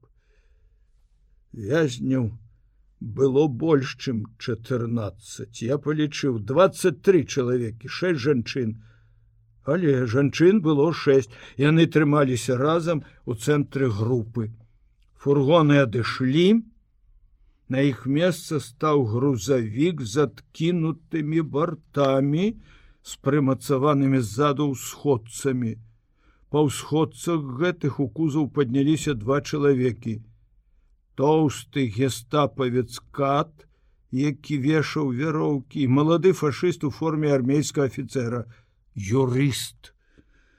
Ён пачаў чытаць прыгавор крыклівым голасам. Але дрэнна ён вывучыў расейскую мову, каверкаў словы і толькі асобныя з іх я разбіраў. Звычайнае фашысцкае абвінавачванне ў бандытызме, забастоўках дыверсіях і раптам усё гэтае з нямецкай дакладнасцю адрэпетаванае прадстаўленне было паламана. Звонкі ясны жаночы голас заглушыў словы прыгавору песняй. Якой песняй? Той, якую я спяваў да год дагэтуль толькі аднойчы шэптам, на кватэры ў паўла і слоў яшчэ ўсіх не ведавалі музыка яе жыла ў маім мозгу у сэрцы жыла пусть ярость благородная вскипает как волна. Идет война народная священная война шыкович адчуў нешта накшталт прыступу астмы шумам выдыхнуў паветра яраш на момант змоўк подняўся з зямлі стоячы паўтарыў словы песні тихо тихо идет война народная священная война. і песню падхапілі ўсе асуджаныя. Матыў яе без слоў перакінуўся ў натоўп рабочых. Начальнік СД закрычаў, адарваўся ад світы, подбег да асуджаных, пагражаючы пісталетам, гестапаўцы прыкладамі аўтаматаў глушылі песню, бронетранспартёр пасунуўся на рабочых, ледь не задавіўшы паліцаю, даў чаргу кулямёт, кулі прасвісталі каля наша акна, хіндаль боязліва адсунуўся за сцяну, А я глядзеў я глядзеў знік з кузова прокурор застаўся адзін кат і вось гестапаўцы за руки паднялі туды першага асуджанага. Яны спяшаліся яны білі яго білі паула. Это быў ён. Павел не ішоў пакорліва Ён так і рвануўся, што два дужыя гестапуцы зваліліся з кузава на зямлю, Павел закрычаў на топ, закрычаў у натоўп: таварышы, браты нашай сёстры, адпомсціце за нас. Таварышы, браты нашай сёстры, адпомсціце за нас, біце праклятых фашыстаў, каб духу іх не было на нашай зямлі мы помираем з верой в перамогу зарадзіму за партыю нашу за народ не ўсё безумоўна удалося яму сказаць. Яны білі яго. Шматгалосым гоманам глушылі яго словы. Але ён крыкнуў менавіта гэтыя словы. Я пачуў іх сэрцам. Яшчэ ўбачыў, як да машыны подбег лучынскі, доўгі сутулы. Гэты панок, подлы нацыяналіст заўсёды хадзіў з нагайкай. Войт прыслужнік. Ён ударыў гэтай нагайкай Паўла па твары, заварушыўся на тоўп, загаласілі жанчыны. Я не помню, што я зрабіў. Застагнаў, заскрыгатаў зубамі, але хіндаль схапіў мяне за руку і поцягнуў ад акна адыдзі дурань ідыёт ты чуеш пачуюць Ён лаяўся па-расейску па-нямецку. У яго выцягнуўся пабялеў твары дзіўна трэслася барада. Я адпіхнуў яго. Але ў гэты міг калі я адвярнуўся Паўла павесілі. Машына адышла і цела яго сутаргава курчылася ў паветры. Павел Паша. Друг ты мой дарагі. Ні да каго, здаецца, я не меў такой любові, як да цябе, вясёлы ясны сардэчны чалавек жудасна. Захаладала ў мяне ў сярэдзіне быццам спынілася кроў і астылі думкі яны сталі цвярозыя холодныя жорсткія і адразу прыйшло непахіснае рашэнне. Цяпер я ведаў, што мне рабіць. Я не выратую вас цяпер сябры мае, бо адзін без зброі перад такой зграе шалелых ад крыві сабак, але я буду помсціць помсціць. І першая кара будзе таму кому вы калектыўна вынеслі прысуд. Лучынскі памрэ сёння. Сёння? Відаць я падумаў у голас бо хіндаль спытаўся што сёння. Я не адказаў.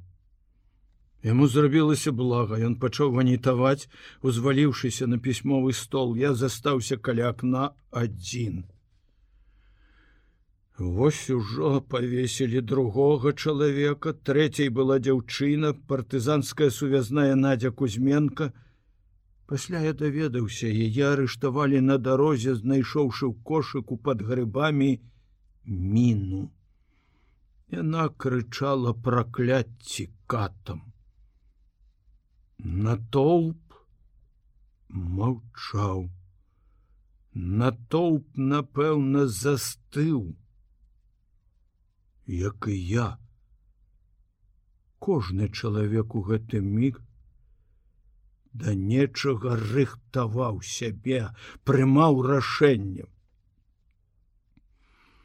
Здавалася што жудасная машына карнікаў запрацавала без перашкод по дэталёва прадуманаму д'ябальскаму плану. Чарговую ахвяру дужыя гестапаўцы хапалі пад руки, падымалі ў кузаў, грузавік падыходзіў пад шыбеніцу, кату скідваў пятлю на шыю, машына адыходзіла, паварочвалася, хутка, спрытна, механізавана, начальства і варта заспакоіліся, адзін з афіцэраў пачаў рабіць фотаздымкі. І раптам адбылося нечаканае. І для нас і для фашыстаў на царкве зазвонілі званы вось на гэтай царкве что на плошчы. Я не адразу зразумеў. Подумаў что арганізавалі яны. Ды не! Гэта не быў пахавальны бом. Не фарс не На ўсё наваколле загучаў грозны заклік. Званы званілі так, як званілі яны адвечна, калі ішла бяда, нашэсце ворага, навадненне, пажар, званы клікалі, падымайся народ, падымайся народ.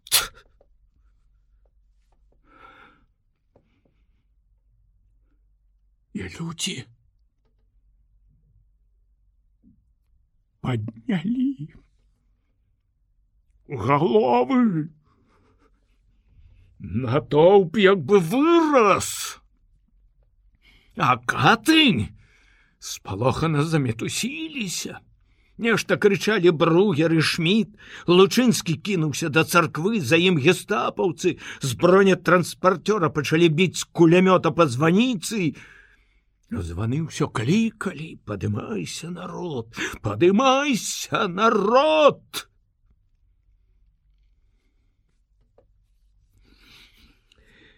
не ведаю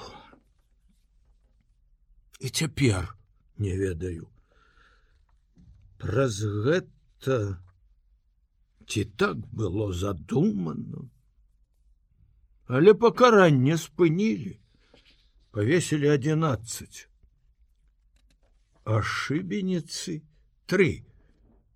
Засталіся пустыя астатніх арыштаваных адвезлі назад у турму. Большасць з іх у хуткім часе расстралялі.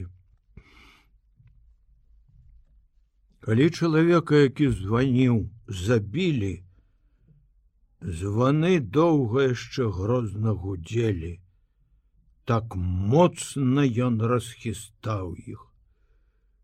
Чалавеку было 76 год. Стары, глухі, адзінокі званар. Кузьма Ягорович сарока. Як ён трапіў на званіцу, знарок, выпадкова але безумоўна адно. Убачыў ён адтуль як караюць прышельцы наших людзей і не вытрываў. Ведаў што ідзе на смерць пайшоў без страху. По тым як яны стралялі там на званіцы як пачалі сціхаць бомы Я зразумеў, што чалавека забілі.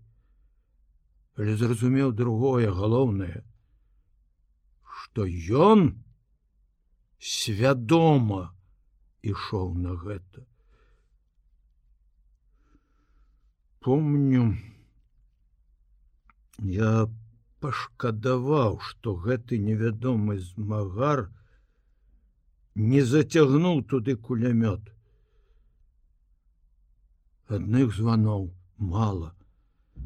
У мяне по крайняй меры будзе пісталлет і граната. Але яны былі схаваны на кватэры. Калі плошча опусцела, я пайшоў на кватэру, па горадзе ўсюды патрулі, паліцаі, гестапа, Яны тройчы спынялі мяне і правяралі дакументы. Ліза кінулася насустрач устрывожаная і радасная. Я ўсе вочы праглядзела, чаму так позна кажуць людзей вешалі. У гэты момант упершыню за той дзень апанавала слабасць, самлелі ногі. Я знясілена опусціўся на канапу. Відаць, збялеў что с тобой повесілі паула сказаў я і заплакаў я наведала паула ён заходзіў раней ёй падабалася што я сябрую з такім чалавекам інтэлігентным разумным служачым управы Цяжка сказаць, чаму я даверыўся ёй у той момант. Бываюць душэўныя рухі, якія немагчыма растлумачыць. Жанчына ў той міг відаць шмат, што зразумела, бо заціснула рот далонямі. Потым глянула ў вокны, зачыніла на кручок дзверы і ні пра што больш не запытала. Знікла, напэўна, яе надзея зрабіць мяне мужам. Яна адразу пастарэла, асунулася, шчыра засмуцілася, калі я адмовіўся ад снедання. Я таксама больш нічога не тлумачыў ёй. Надзеў лепшы касцюм, дастаў стайніка пісталлет і гранату. Яна спытала: « Ты больш не вернешся? Не ведаю. Я адказаў шчыра. Хіба я мог ведаць, што са мной будзе? Яна поцеловала мяне. Будь асцярожны, Кузя. Ведай, табе ёсць куды вярнуцца. План быў простым. Все робіцца простым, калі чалавек перастае думаць пра сябе, пра жыццё, калі галоўнае дасягненне мэты. Паліцыя размяшчалася ў асобным двухпавярховым будынку насупраць управы. Я мог пайсці проста туды. Але я пайшоў на плошчу, пустую і жудасную той дзень. Ветер, холодны асенні ветер пагойдваў целы павешаных, і вяроўкі на трох шыбеніцах. Для каго яны пакінуты? Не, мяне жывым фашысты не возьмуць. Я развітаўся з таварышамі, стаў насупраць Паўла крокаў за 20 бліжэй, вартавы не падпусціў. На паўла вушыю была накінута яшчэ адна пятля, павешчана павешана дошчачка з надпісам. Я кіраваў банда, якая забівала нямецкіх салдат. Надзе Кузьменко яны напісалі: я ўзрывала нямецкія шалоны. Увогуле яны пускалі паглядзець на весельнікаў. Для гэтага пакараных пакінулі на шыбеніцах, каб устрашыць гараджан. Але я стаяў, Мабыць, занадта доўга, бо вартавы раптам пагразіў мне аўтаматам і закрычаў, каб я праходзіў. Чого добрага яшчэ стрэліць? Што ім значыла забіць аднаго чалавека? А мне паміраць так недарэчна, нельга. Таму я паслухмяна адышоў, развітаўшыся з паўлам з таварышамі, якіх я не ведаў пры жыцці, але смерць іх зрадніла нас. Вартавы паліцай ведаў мяне, я сказаў яму, што хачу паступіць да іх на службу. Ён узрадаваўся: давай, такія хлопцы нам цяпер вояк патрэбны. Начальнік у сябе толькі што прайшоў. Але сакратарка перакладчыца затрымала мяне. Эту асобу я таксама ведаў. Павел хадзіў з ёй нават разы два ў кіно, каб выведаць, чым яна дыха і заключыў дрэнь полная.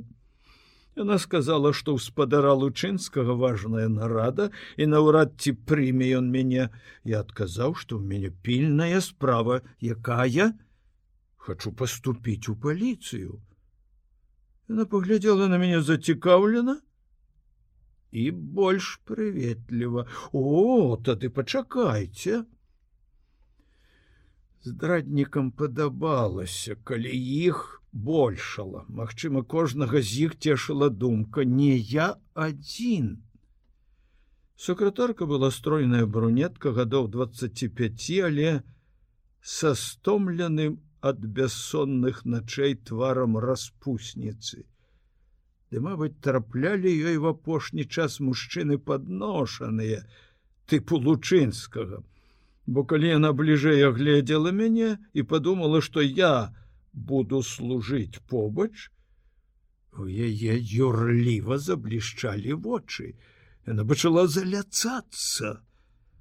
Мне зрабілася агідна, я думаў пра помсту, ішоў на смерць, а тут трэба было сушыць зубы говорит чорт ведае пра што хацелася стукнуть яе з пісталета потым тых усіх што за дзвярамі абабетымі жоўтым дарматінам сакратарка сказала мне хто там заступца і следчы не раней трэба іх у мяне не хапала сілы чакаць. Я падняўся і наблізіўся да дзвярэй але яна загарадзіла дарогу аўчарка пільна сцерагла свайго гаспадара.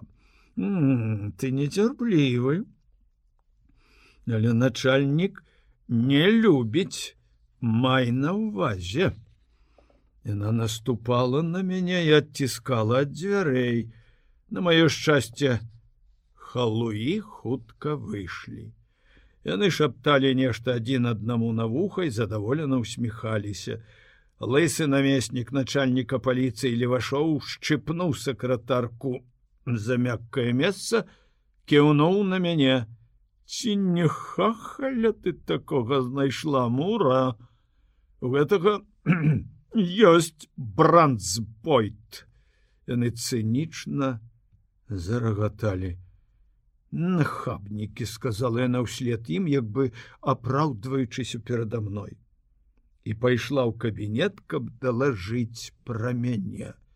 Выйшла не хутка. Ці можа мне так здалося, цягнуліся хвіліны, помню, што я раптам захваляваўся, пачуў, як грукае сэрца яшчэ міг адзін міг і я ад помшчу за Паўла за таварышаў. Дзверы адчыніліся, яна мура сказала: праходи і пропустила мяне.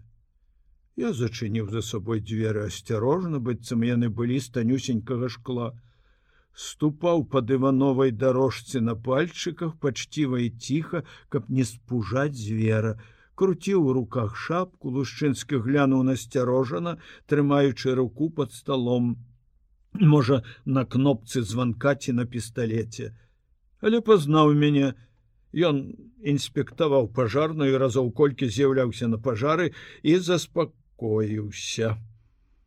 Паклаў абедзве рукі на паліраваны стол двухметровай даўжыні, як бы абняў гэты сімвал сваёй улады.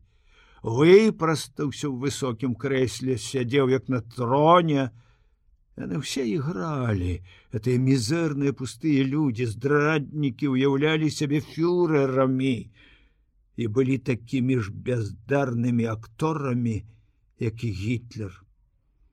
Я спыніўся крокі за тры ад стала ў пачцівай паставе. Я загадваў сабе не выдаць ніводным рухам не выдаць сябе, Хоць і марудзіць нельга было, мог зайсці хто-небудзь з паліцаяў. Дык кажаш, хочаш перайсці ў паліцыю? Чаму? пожарная тая ж паліцыя і нам патрэбны там адданыя людзі хочу помсціць за бацькоў пан начальнік. Кузьмак лешч сын раскулачанага. У паліцаі у паліцыі былі мае анкеты.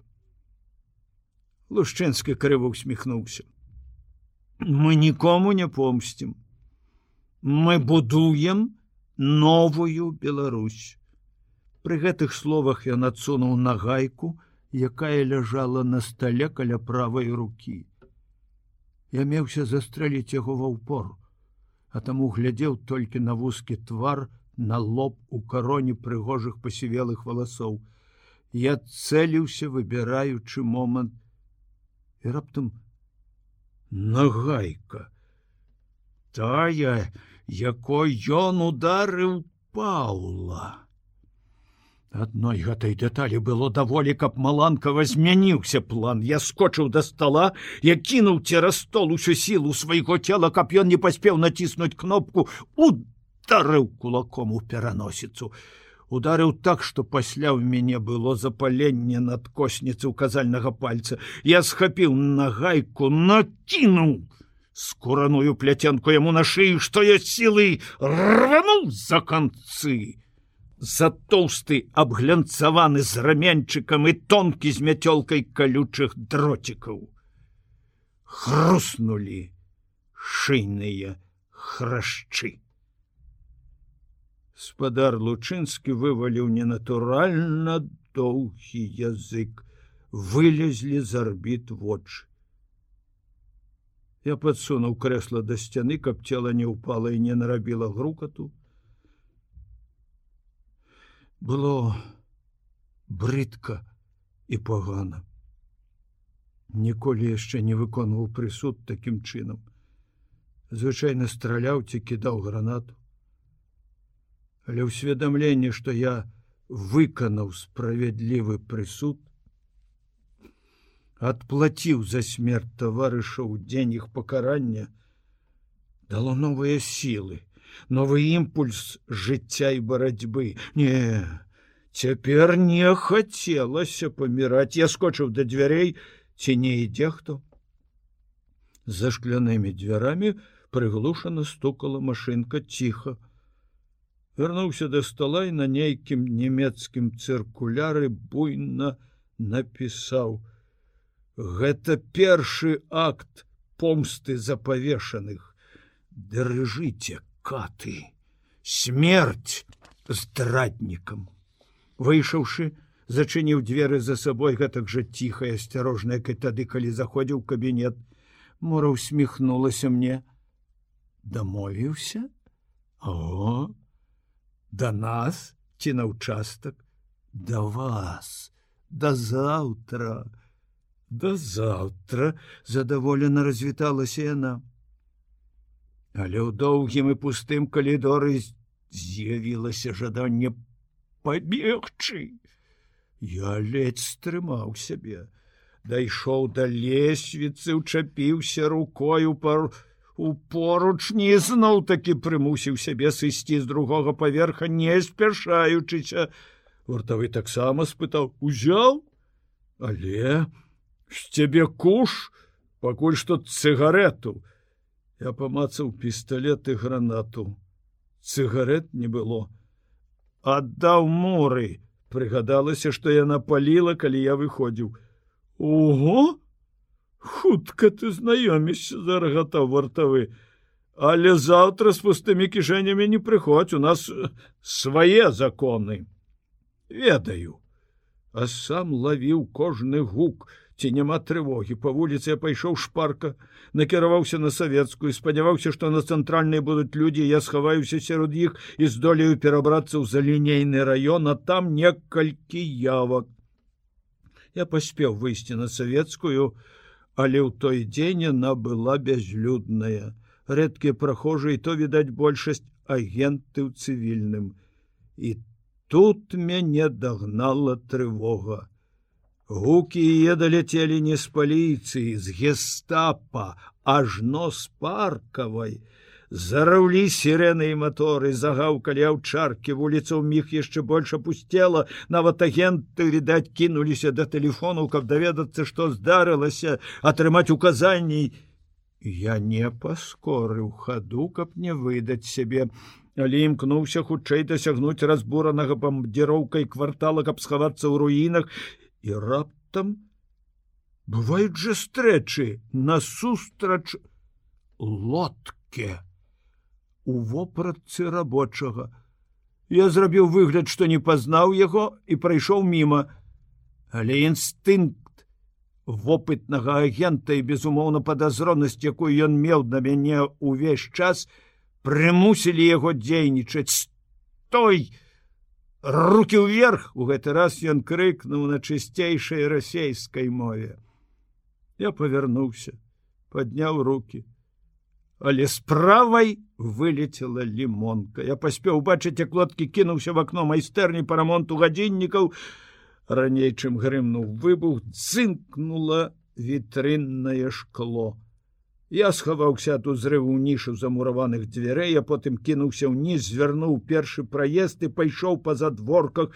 Я ішоў назад, паўз двор у правы амаль паўз самую паліцыю, дзе стаяў гоман галасоў. Па шуму матораў, брэху сабак лёгка было здагадацца, што гестапаўцы абкружаюць кварталы па той бок савецкай кварталы руін. І аднак, Я шкадаваў, што не перасек галоўную магістраль. Там быў увесь горад разбураны цэлы. Там жылі нашы людзі, адтуль быў выхад у поле ў лес, а тут я быў заціснуты, у невялікім раёне паміж цэнтральнай вуліцы, якую цяпер ужо не перайсці і ракой, за якую таксама не перабрацца, уздоўж вуліцы управа паліцыі, правей казармы зондар каманды, над ракой элеватар, прыстань са складамі на беразе, вартавыя вышкі, агнявыя кропкі, паміж гэтым некалькі ціхіх вуліц, да якіх не дайшоў пажар і дзе заставаліся жыць нашы людзі нашы а ці ўсе нашы это своеасаблівы раён да рэвалюцыйнай забудовы сяліліся тут пры цару галоўным чынам чыноўнікі пасля рэвалюцыі шмат якія дамы былі нацыяналізаваны сталі камунальнымі але больш за ўсё эвакуіравалася ў пачатку войны і менавіта з гэтых камунальных кватэр. Рабочыя савецкія служачыя. А хто застаўся не ўсе яны відаць нашы. Акрамя таго я ведаў што тут кватаруе много немцаў офіцеры камерсанты. Праўда была ў мяне перавага. Я выдатна ведаў гэты раён. Не толькі кожны завулак але кожны дом і сад. Я жыў тут, калі вучыўся ў медвучылішчы. В адзін міг я ўзважыўся мінус і плюс і тут жа выявіў яшчэ адзін мінус. Я быў ранены асколкам уласнай гранаты. Ніша не схавала мяне ўсяго і асколак пацэліў нагу во сюды. Я нават намацаў яго. Штаніна набрыняла крывёю. Рана не цяжкая, але па крывавым следзе лёгка ідуць аўчаркі. Таму я мусіў спусціцца ў склеп разбуранай крамы падраць споднюю кашулю і перавязаць нагу. Патраціў некалькі хвілін. За гэты час пачалі абкружаць раён узрыву. Цяпер ужо не толькі шум мотоцыклаў але і нямецкія каманды даляталі да мяне Мабыць упэўненыя што я нікуды не дзенуся немцы здавалася не вельмі ўжо спяшаліся У невялікіх руінах таго раёна схавацца нельга, я добро разумеў, трэба выходзіць. І я выйшаў у пушкінскі завулак, рушыў да ракі, схаваць могуць толькі людзі, савецкія людзі. Я зазіраў у вокны драўляных дамоў, я ведаў гэтыя дамы, але не ведаў людзей. Жыдоўская сям'я, дзе я кватараваў, эвакуіравалася. Других знаёмых тут не было. Якія знаёмыя ў студэнта? Прайшла мімо добра апранутая жанчына глядзела мяне залішне зацікаўлена. Что прыцягнула яе ўвагу? Я намагаўся не кульгаць закрываў рукой прабітую палу пінжака з двары выбег офіцер на хаду зашпіляючы гузікі Я сціснуў ручку пісталета. Але немец не зачапіў мяне, глянуў абыякавай пабег у бок цэнтра. Мабыць, яго выклікалі па трывозе. Я звярнуў у вузкі безыменны завулак, па якім некалі хадзіў да ракі. Можа і цяпер спусціцца да ракі паспрабаваць пераплыць яе. Але на тым беразе бязлесны луг кожны, хто з'яўляецца там, бярэцца на мушкі кулямётаў. Не ратунак можа быць толькі в адным з гэтых дамоў, але ў якім. Аўчаркі брахалі ўжо недзе каля ўправы. Калі натрапілі на след, яны будуць тут цераз две-тры хвіліны нельга марудзіць і азірнуўся і ўбачыў дом. У які мяне пацягнула нейкае асаблівае чуццё такія моманты з'яўляецца інтуіцыя, якая вядзе беспамылкова. Дом гэты стаяў няўрад з іншымі дамамі, а ў глыбіні да добрага саду прыгожы асабняк аднойчы аднойчы я быў гэтым доме прыходзіў здаваць экзамен гаспадару яго. Доктару савічу. Савіч? Той савіч? Не вытрымаў і выказаў сваё здзіўленне шыковіч. Але той савіч про якога гукан з тваёй дапамогай піша як праздраднікам той савіч які супрацоўнічаў з немцамі узначальваў аддзелу правы якому фашысты арганізавалі пышнае пахаванне. Тысяча і одна ноч. І ты пайшоў у гэты дом? Але. Сігануў цераз паркан пераканаўшыся што завулак пусты. Безумоўна я рызыкаваў я ведаў хто такі савіч. Больш таго я ведаў што ў доме кватаруе лекар нямецкага шпіталя што ж паміраць дык з музыкай чорт возьми Я ішоў ужо ў той дзень раз на смерть. Яна дала адтэрміноўку. І калі не было іншага выйсця, калі любы варыянт даваў яшчэ менш шанцаў, Але акрамя ўсяго была нейкая інтуіцыя, была вера у гэтага чалавека, у сцяпана Савіча. Я ведаў не Савіча здрадніка, асавіча лекара буйнейшага інфекцыяніста бесстрашнага чалавека які за 40 год лекарскай дзейнасці патушыў десяткі эпідэмій. Яго паважалі ў горадзе. Няўжо такі чалавек мог прадацца зваліўшыся ў чужы сад як з неба я спалохаў мілую істоту Яна карміла трусікаў, клеткі з трусамі стаялі паўз паркан у два паверхі. Я пазнаў дзяўчыну, дачка Савіча. Калі мы прыходзілі да хворага доктара здаваць экзамен па інфекцыйных хваробах, яна подлетак школьніца падавала нам чай. Доктор, знаёмячы нас з ёй сказаў: « Гэта моя гаспадыня. Але імя яе за тры гады. Я безумоўна забыўся. Яна войкнула, потым сурова спытала: « Што вам трэба, хто вы? Цішэй! шыкнуў я. Я друг тых, каго сёння павесілі. Павесілі, А каго павесілі, я ўзлаваўся. Калі ідзе такая вайна, калі што хвіліны гінуць людзі, жывуць, оказывается, вось і так.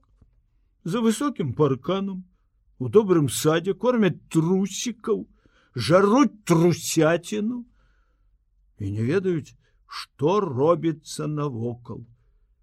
Людзей, якія не сагнулі спіны, чуеце, аблава, схавайце мяне. Узлаваны я не прасіў, загадваў. І яна зразумела. Схапіла мяне за руку і шпарка побегла дадому. У калідоры спынілася, задыханая, узбуджаная. Куды ж вас хаваць под кухняй ёсць пограб. Хочаце туды? Я поверыў яе шчырасці цалкам даверыўся ёй, але на парозе кухні она спынілася, перадумала, не ў пограб дрэнна. На другім паверсе пакоя нямецкага лекара пана грота. Ён кватаруе ў нас. Я зачыню вас у яго пакоях. Добра? Я згадзіўся і на гэта. Яна збегала некуды вярнулася з ключамі. Мы падняліся ў мансарду у добра абстаўленыя пакоі. Пакідаючы мяне на усміхнулася ласкава і разгублена ключа ў мяне няма няхай шукаюць грота. У тым пакоі за шафай дзверы на гарышча а там у нас чорт нагу зламае. Я падзякаваў. Яна зачыніла дзверы на ключ але праз хвіліну вярнулася і прашаптала ў замочную шчыліну. Слухайте вы як вас калі яны ўсё-таки ўварвуцца сюды вы будете страляць? Буду цвёрдай бязлітасна адказаў я. У шафе у грота стаіць аўтамат. О дзяўчо гэтае было не з баязлівых дарэмна я ў пачатку блага падумаў пра яе. З той хвіліны я адчуў да яе павагу. Безумоўна учынкі яе ў той міг маглі быць нет свядомага пераканання, а ад жадання романтыкі, што ўласціва такому ўзросту, але было бясспрэчна чалавек наш сумленны. Інтуіцыя не падвяла, і гэта радавала. У завулак яны ўскочылі ў той жа міг, як я застаўся адзін у шыкоўнай кватэры нямецкага афіцера. Я ўбачыў іх праз акно гестапаўцаў з сабакамі і паліцаяў. Але я перабольшваў ролю аўчарак. Не такія яны ўжо разумныя, не такія, ну не такі ў іх тонкі нюх, як пра гэта расказвалі легенды, звычайныя сабакі. Все тры чамусьці кінуліся в адзін двор. Безумоўна, следам за імі туды ўскочыла ўся зграя гестапаўцаў і паліцаю пачаўся вобыск пошукі ў тым доме занялі хвілін 10. Потым з'явілася тая модна апранутая жанчына, якую я сустрэў. Я пазнаў яе нават з такой адлегласці. Яна показала гестапаўцам на гэты безыменны завулак. У мяне ёкнуло сэрца. Няўжо яна бачыла, як я пераскочыў цераз паркан гестапаўцы кінуліся сюды. Я заглянуў шафу. Сапраўды там стаяў аўтамат. Я не адважыўся набліжацца да акна, каб сачыць за імі маглі ўбачыць. Але вось сабакі загаўкалі, заскуголілі каля таго месца, дзе я пераскочыў паркан, значыцца напалі на след, я дастаў аўтамат. І раптам у садзе пачаўся дзікі верхал. Вой, брэх, піс, крык. Я жахнуўся. Няўжо яны кінуліся на маю ўратавальніцу. Яна датыкалася да мяне, брала за руку, забыўшыся на небяспеку, я наблізіўся да акна і убачыў, Аўчаркі рвалі трусоў. Ты ведаеш, што зрабіла гэтае дзяўчо? Не кожны вопытны падпольшчык мог бы дадумацца. Яна выпусціла трусоў. Больш таго, Яна забіла аднаго і кінула на сцежку каля таго месца, дзе я пералез паркан. Раз'юшаныя галодныя сабакі, учуўшы пах крыві шалелі. Гестапаўцы не маглі іх стрымаць, дзве аўчаркі пераскочылі паркан і, убачыўшы трусоў, пагналіся за імі, а ў фортку грукалі гестапаўцы. Гаспадыня з палоханым голасам крычала з ганка: « Я баюся ваших сабак, я, я баюся ваших сабак. Відаць, нехта з гестапаўцаў пералез і адчыніў калітку. Тады яна закрычала аборана панове панове что вы робіце? Гэта трусы пана грота хірурга шпіталя пана грота яго трусы Боже мой что мне скажа пан грот? Сабак нарэшце ўгаманілі цяпер яны толькі гарчалі даядаючы трусяціну. Яе спыталі ветліва скажите фрэйлен сюды ніхто не заходзіў на ўсхліпнула. Трусы пана грота гэта дом доктара савіча і у нас кватаруе пан грот хірург шпіталя гестапавец ці магчыма паліцай паўтарыў пытанне па-расейску. У нас заўсёды зачынена фортка тату пагражаюць што яго заб'юць за тое што ён служыць у немцаў. Я казала яму навошта яму служыць? Ён мог прымаць хворых дома як доктар грайпінер. У грайпінера хутка будзе свая клініка тату сапраўды могуць забыць. Нішчой ой ой ой няшчасныя трусікі што скажа пан грот? Яна іграла наіўную дурную дзяўчынку, але гестапаўцам не было калі слухаць я был батню старэйшы за камандаў пашукаць яны зайшлі ў дом. Сабакі не пайшлі бо іх цікавілі больш трусы а не мой след. Ды ад следу як я пасля даведаўся нічога не засталося. Это дзяўчынка зрабіла яшчэ адзін на дзіва хітры ход! Яна паспела працерці ганак і подлогу ў калідоры растворам фармаліну спакою першага паверха далятаў да мяне гул галасоў але слоў нельга было разабраць потым я пачуў іх крокі по лесвіцы яе голос там жыве пан грот але ён не пакідае ключа. Ён не верыць што я магу пільнаваць дом. Вы можете безумоўна паламаць дзверы. Вы падушылі яго трусікаў але што скажа пан грот ведаеце давайте э, лепш я позвоню яму няхай ён прывязе ключы. Ён хутка у яго свая машина тады вы самі растлумачыце яму что гэта ваши сабаки падушылі яго трусоў каб ён не думаў что я не ўпільнавала. Ну і знайшоў сабе трашчотку гэты грот сказаў адзін гестапавец націскаючы на ручку дзвярэй. Другі недзе ўнізе засмяяўся Ну так яна нічога, маладзенькая, ножки стройныя. Відаць, глядзеў нахабнік на яе ногі знізу. Крокі пачалі спускацца, даляцца, і ўсё звінеў яе галасок. Яна ўсё яшчэ нешта гаварыла пра свайго тату, пра пана грота, пра трусоў. Я пачуў шум машыны.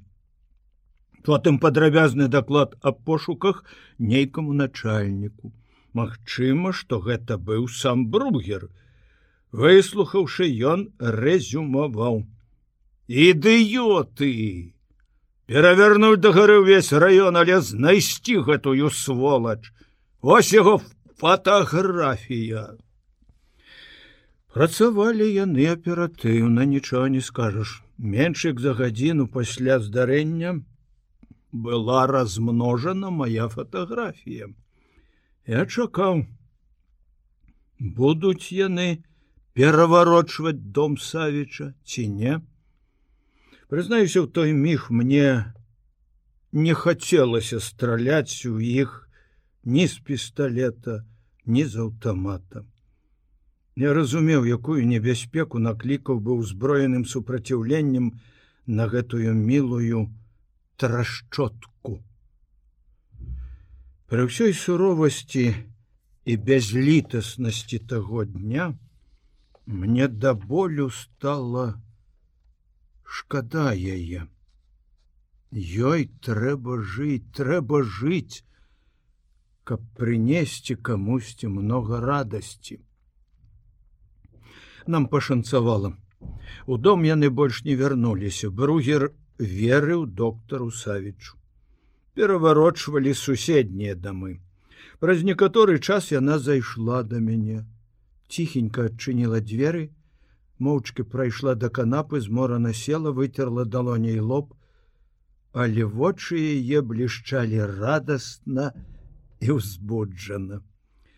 Ух, здаецца, мінула як я боялась ух каб вы ведалі як я боялася цяпер я ведаю что такое душа ў пятках. Яна скінула басаножку і памацала сваю пятку. Это было наіўна і смешна. Яна сама засмяялася. А хораша я вадзіла іх за нос. Вы чулі з мяне могла б выйсці актрыса да вайны я хадзіла ў драмстудыю пры клубе чыгуначнікаў яна вздыхнула успомніўшы той дарагі даваенны час. Я спытаў як яе імя софа. Мама звала соня а тата і цётка зося. Мама моя на двадцать гадоў маладзей за тату яе забралі ў армію мама хірург у нашу армію подкрэсліла дзяўчына і тут жа ўздыхнула а тата працуе у немцаў парадокс правда? Тетя марына памерла два месяцы назад. Пасварылася з татам у яе хворае сэрца тата вельмі перажывае цяпер На што ты я тата тата. А вы можа не ведаеце хто мой тата? Гэта доктор савіч вы гараджанин у горадзе яго многія ведаюць я адказаў што ведаю сцяпана андреевича ён вучыў мяне гэта е просто ашаламіла она подскочила наблизилась и пильно угледзелася мой твар. Боже мой цяпер я здаецца вспоминаю. Вы приходили да таты сдавать экзамены калі яго аперировали з прычыны тромбофлебіту раптам стала задумліва сур'ёзна испытала. Скажите вы ведали что тата працуе у немцаў ведаў. Ведалі і прыйшлі ў наш дом. Ведаў і прыйшоў. Бо упэўнены што доктор савіч не прадасць мяне. Яна доўга глядзела мне ў вочы потым нахілілася і пацалавала ў шчаку пацалавала не па-дзявочы сарамліва ці гарэзліва, а па-даросламу сур'ёзна з удзячнасцю. Мая першая падпольная клічка была Віктор. Я чамусьці сказаў яе, а не сапраўднае імя. Хоць пасля зразумеў, што гэта недарэчна, не патрэбна і нешчыра перад зосей. Дякую вам, Віктор. Цяпер вы мне брат. ведаеце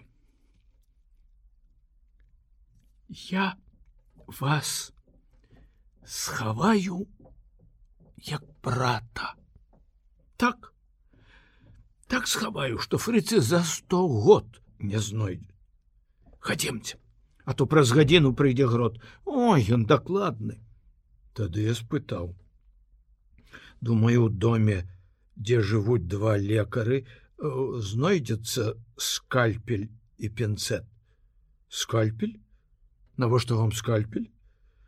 У бядры маім сядзіць асколак гранаты. Вельмі магчыма што толькі ў той міг яна адчула ўсю сур'ёзнасць барацьбы свайго мімавольнага ўступлення ў гэтую барацьбу небяспекі якая цяпер пагражала ёй бацьку. Трусы фармалін балбатня з гестапаўцамі ўсё гэта відаць рабілася ў парыве у захапленні незвычайнасці ўсё гэта было ну была амаль гульня хованкі маладога здаровага хлопца. Тут яна зразумела і разгубілася спалохалася замітусілася што ж рабіць хадземце ў бацька ў кабінет там усё ёсць не не нельга могуць прыйсці давайте сюды на гару аўтамат поставим на месца ось так. Крыві не накапала агледзела подлогу потым адчыніла невялічкія сцянныя дзверы і мы апынуліся ў каморы завешанай вопраткай. Десяткі паліто касцюмаў плаццяў нешта зашыта ў прасціны мабыць футры пахло нафталінам. Багата жыве доктор савічка да добра таму і да немцаў падаўся падумаў я недобразычліва мы подлезлі под вопратку яшчэ праз меншыя дзверкі выйшлі на гарышча. Вузкі туннель паміж сцяной мансарды і дахам. Аднекуль здалёк цадзілася святло і было відаць что тут сапраўды чорт зламае нагу. Старыя крэслы карціны дываны верстакі рыбацкія сеткі мешкі посуд. Все гэта было нагрувашчана абы як мы ледзь прабраліся нават паўзлі праз нейкую шчыліну. Гэта быў праход под выступам акна такім чынам мы перабраліся на другі бок за глухую сцяну мансарды дзе было больш прасторна і светлым тут на старым матрацы Зося зрабіла мне прытулак. Праз другі ход праз люк у столі над кухняй яна прынесла прасціну, падушку, коўдру, інструменты, бінты, вату, мёд. Я зрабіў сабе аперацыю, дастаў асколак з яе дапамогай. Перад гэтым мы паспрачаліся. Я лічыў сябе ўжо закончаным медыкам, медтэхнікум як тады называлі курс інстытута ва всякім разе даўно ўжо пазбавіўся фальшывай сарамлівасці калі што тычылася хваробы. Але ведаеш перад гэтай дзяўчынкай ну мне стало сорамна агаляць сябе. Я попрасіў яе адысці. Яна запярэчыла. Я ніколі не хацела быць лекаром але я дачка лекараў сказала яна рашуча. І такі добра помогла мне. Во всякім разе крыві не баялася і павязку зрабіла професійна а потым прыйшоў грот. Мы пачулі як ляпнули за сцяной дзверы Зося нырнула ў люк цяжкія крокі іх галасы яго і яе словы глухлі ў сцяне пра што яны гаварылі я ненавідзеў немца двойной нянавісцю і за тое што ён офіцер гітлераўскай арміі і за тое што адарваў зосю і не дае ёй з'явіцца сюды. Аднаму мне было цяжка. Вечарэла зняўся ветер стары бляшаны дах грымеў на тысячу ладоў а мне здавалася што над горадам ідзе страляніна. Што крычаць жанчыны дзеці уявіліся павешаныя. Так як ні разу яшчэ за гэты доўгі страшны дзень.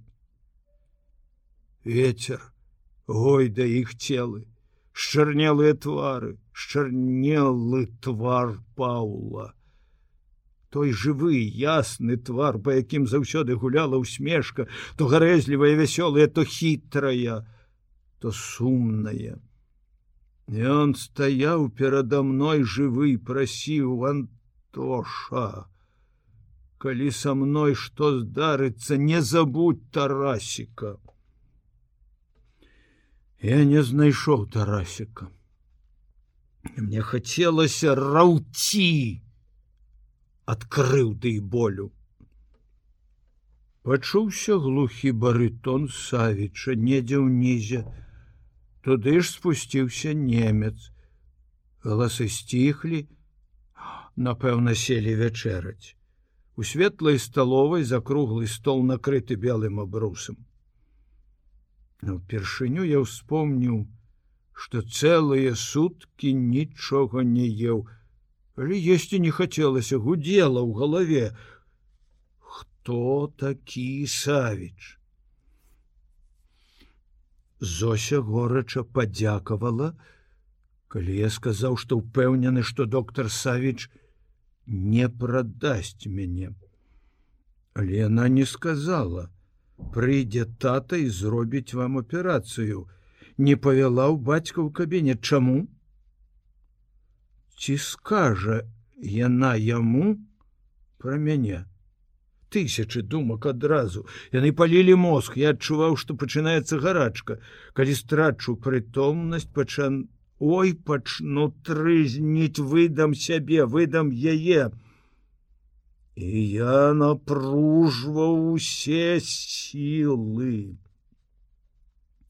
Сцямнела, ветер не сціхаў асенні холодны злы, і я такі праваліўся жудасную яму. Там клубком сплёўшыся качаліся ваўкадавы, гледзячы на іх іржалі сэсаўцы і морды ў іх таксама сабачыя. Раптам лучынскі страшэннай доўгай рукой, як у вія паказаў на мяне Вось ён! Я ўцякаў, а яны гналіся за мной з надзвычайнай лёгкасцю я скакаў цераз парканы, цераз дамы нават, а яны не адставалі. Мне калацілася сэрца, вось вось дагоняць.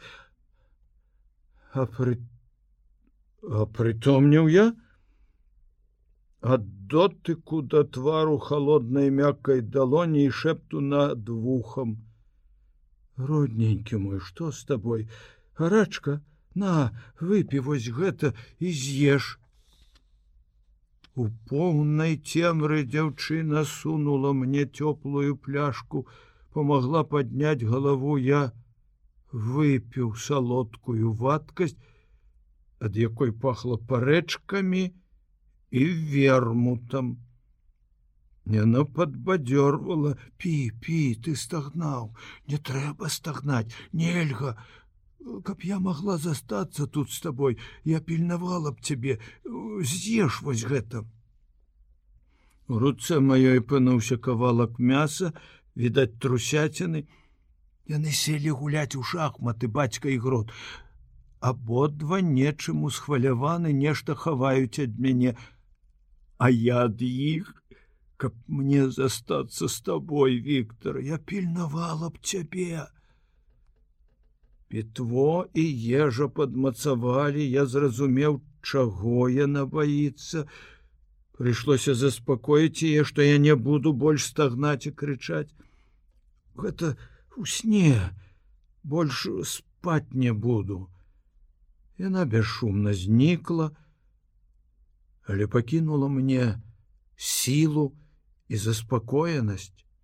Цяпер я адчуваў яе прысутнасць, яе клопат, і мне не было страшна ў цемры пад дахам, які гудзеў і ляскатаў, каб толькі не залішні быў яе клопат. а то якраз яна не я можа праваліць нас.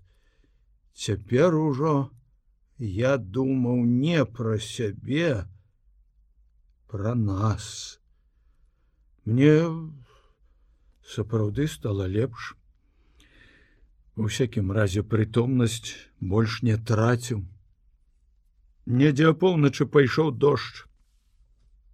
Тысячы малаткоў загрукалі па блясе, потым по маёй галаве аглушылі.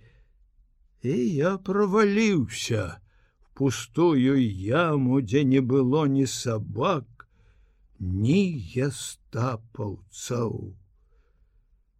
Прачнуўся, калі развіднела. Адчуванне ранішняе здаровае, нават нага не балела, ну не вельмі балела.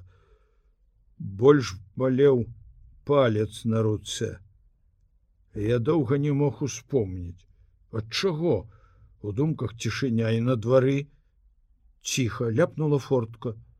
Гласы нехта пайшоў, хутка з'явілася зося принесла снеданак кашу молоко яблоки смачны і много была яна засяроджаная сур'ёзная не такая гаварлівая як учора паведаміла з болем і смуткам.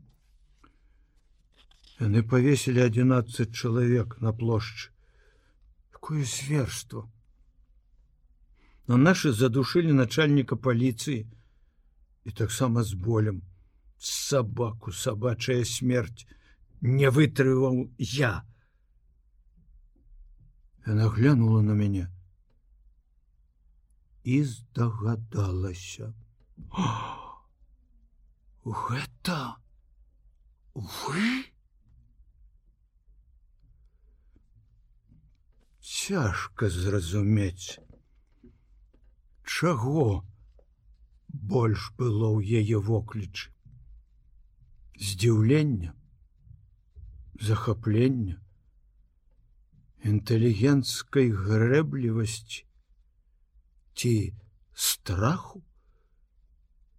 Я спалохаўся што цяпер гэтае аранжарэйнае дзіця будзе баяцца мяне страшно стане ёй заставацца адзін на адзін з чалавекам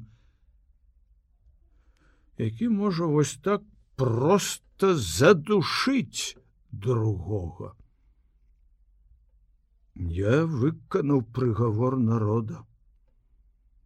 Этому гаду давно быў вынесены прысуд у мяне не было другой зброі это было як апраўданне і самому мне стало непрыемна чому я апраўдваюся не. Яна зразумела уздыхнула цяжка і сказала. Я хочу ненавидеть іх як вы. Хочу і не могу. Грот добрый чалавек культурны ветлівы Яна меркавала аб фашыстах по адным нямецкім лекары. Для таго, каб ненавідзець іх так, трэба ўбачыць тое, што бачыў я.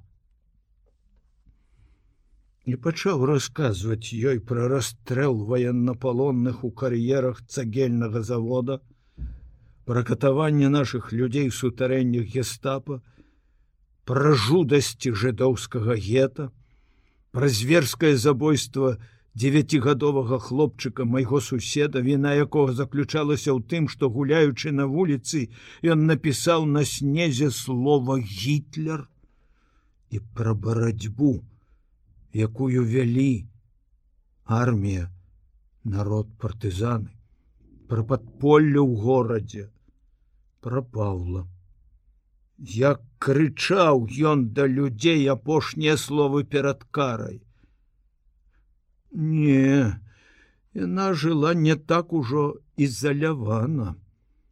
Многія факты даходзілі да яе, але паводзіны бацькі, якога яна любіла і з маленства верыла кожнаму слову яго і ўчынку, а потым гэты грот ён хітра капаў на дзявочы розум.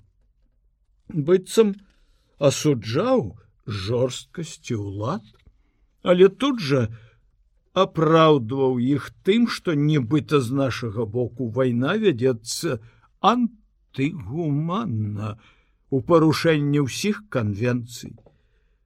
Факты фанатычнага забойства нямецкіх салдат і чыноўнікаў вымушаюць улады да такой жорсткасці. Вайна ёсць вайна. А вось каб наш народ скарыўся, яны немцы рабілі б толькі адно, неслі б сваю высокую культуру. Он много і часто казаў ёй пра вялікую культурную місію нямецкай нацыі.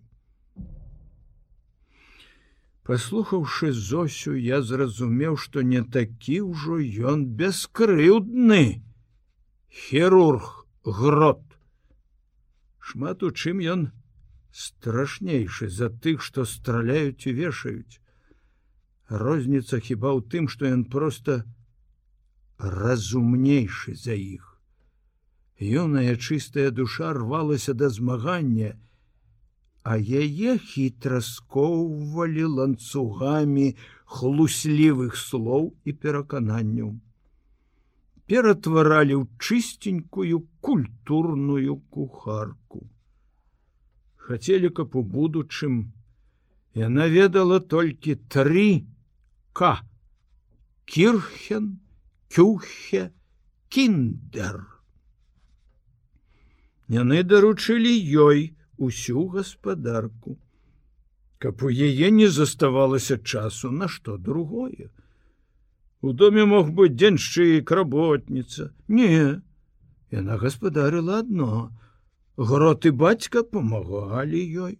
Ну, грота я разумеў, за год побачыў сялякіх фашыстаў, але Савіч, той савіч які ўсё жыццё смела змагаўся з эпідэміямі навошта яму завязваць вочы ўласнай дацэ добра што яна вось такая выйшла з савецкага жыцця са школы без бунту без шуму аднак і рвала все іх путы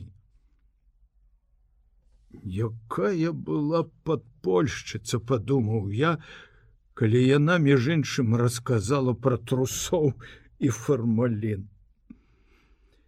Мы з ёй гутарылі гадзіны дзве. Потым яна спахапілася: Ой, трэба ж абед гатаваць. Савічы грот з'яўляліся на абед роўна ў гадзіну дня з нямецкай дакладнасцю. Пасля обеду, мы гутарылі зноў шэптам безумоўна яна нахілялася да мяне і я адчуваў е гарачае дыханне і мне было хораш на трэці дзень раніцай мяне наведаў сам гаспадар савіч зноў перапытаў здзіўлены шыковіч савіч ён з'явіўся нечакана і не праз люк Відаць, яму цяжка было падымацца по крутой лесвіцы, а адтуль спакояў грота. Я пачуў чужыя крокі і схапіўся за пісталлет. Ён прадугледзеў гэта, сказаў з-за вугла, не ўздумайце страляць. У мяне мірны намер. Я схаваў пісталлет под коўдру, але не выпускаў з рукі. Савіч наблізіўся, сівы сутулены стары, зусім сівы, з белой белой головой часе акупацыі я стараўся не трапіць яму на вочы, каб ён не пазнаў свайго былога студэнта. Зрэдку бачыў здалёк, як ён змяніўся. Куды дзеўся той стройны рухавы жыццярадасны мужчына, якога мы любілі ў тэхнікуме, нягледзячы на яго патрабавальнасць. Навошта такому старому працаваць у немцаў ды яшчэ ўзначальваць аддзел, аховы здароўя. Чыё здароўе ён ахоўвае. Сваё ўласнае не мог захаваць, падумаў я. На гарышчы быў паўзмрок, але Савіч адразу пазнаў мяне. Антон Яраш. Цудоўная памяць. Чакай, чакай. Высокі блондин. Дык гэта ты, лучынскага. Неяк зморшчыўся ён. Непрыгожы акт. Мяне ўзарвала. А вешаць людзей на плошчы. Прыгожы акт. А што варты нейкіх халую ў параўнанні з тымі людзьмі. Цішуй ты, гром, прашаптаў ён, ни аднаго цябе ставіш под удар. Не забывай. Я адразу прыкусіў язык.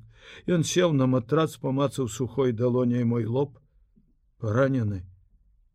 Зося бінты цягае.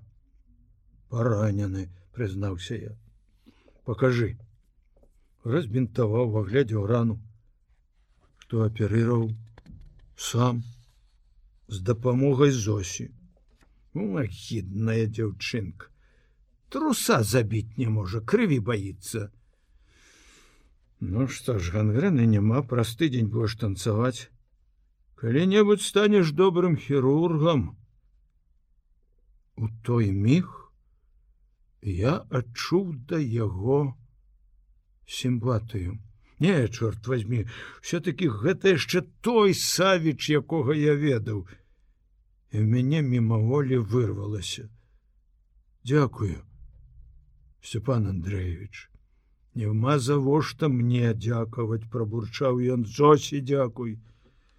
І помаўчаўшы, сказаў сурова, выціснуўшы па адным слове: ты вось што ляжы тут ціха ляжы, але крый Божа, кранеш Зосю, я не адразу нават зразумеў что значится кранеш зразумеў задыхнуўся ад абразы абурэння что ж я по-вашаму фашыст ён паляпаў мяне па шчаце. Ну ну ну ну не крыўдуй. Я сам некалі малады быў. Маладосць ад маладосці розніца. Савіч стоя на ўздыхнуў. Але цяжкая у вас маладосць. Ну будь здароў і будьце асцярожныя і пайшоў. Яшчэ больш здавалася згорбіўся. А праз колькі хвілін з'явілася зося шчаслівая але ў слязах. Кінулася ў парыве да мяне абняла пацалавала. Віктор даражэнькі ты ведаеш? Зноў на ты як у тую першую ноч. Ты ведаеш ён нічого не сказаў прытуліў мяне да сябе. Пацалаваў і заплакаў тата заплакаў Боже мой і только увесь час паўтараў будьце асцярожныя будьце асцярожныя Яны не прыкмецілі, як развіднела. Быў канец чэрвенем. самая кароткая ноч. Прачыналіся птушки, напаўнялі гоманам лес, а два чалавекі жылі ў мінулым. У іншай ночы далёкай страшнай. Толькі калі над дубамі са свістам праляцелі дзве качки, гучна шлёпнуліся ў старыцу і кракнули. Яраш, перапыніўшы рассказ, падняў галаву, здзівіўся. Раніца? Ну, вось па сутнасці ўсё, што мне хацелася расказаць табе. Пра ўсё іншае не як-небудзь пасля. Шкоіч маўчаў, пераварваў тое, што пачуў. Гатовы сюжэт, гатовыя вобразы. Але спачатку трэба выясніць, хто ж такі Савіч. Стомлены ярыш сядзеў на лавацы і слухаў раніцу. Нарэшце Шковіч адчуў, што яму холодна на зямлі, самлелі нага і рука, падняўся, пацягнуўся.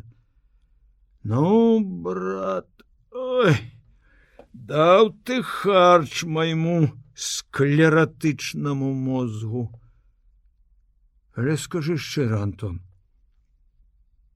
Чаму ты расказаў все гэта? Маўчаў, маўчаў і раптам бух адразу в одну ноч сярод ночы. Чаму я расказаў? Яраш як бы задумаўся на хвіліну. Учора я спаткаў Зосю. Савіч? Кирыла пераскочыў вогнішча дзе чакай ты ж казаў што дачка савіча загінула так я думаў семнадцать год ну і ну дзе ты яе спаткаў у больніцы хворая чакай калі хавалі савіча у маі сорок третьего з верасня да мая яна павінна была даведацца, хто ж яе бацька. Трэба распытаць яе, ніякіх роспытаў да аперацыі. Я буду аперировать яе. Набыты парок. Сэрца кирыла свіснуў. Раптам зарэжаш, Я рашу здрыгнуў дурань. Я нікога не рэжу я лячу і напэўна адчуўшы што сказаў груба прапанаваў па-сяброўску цёпла. Хадзем на луг. Сустрэнем сонца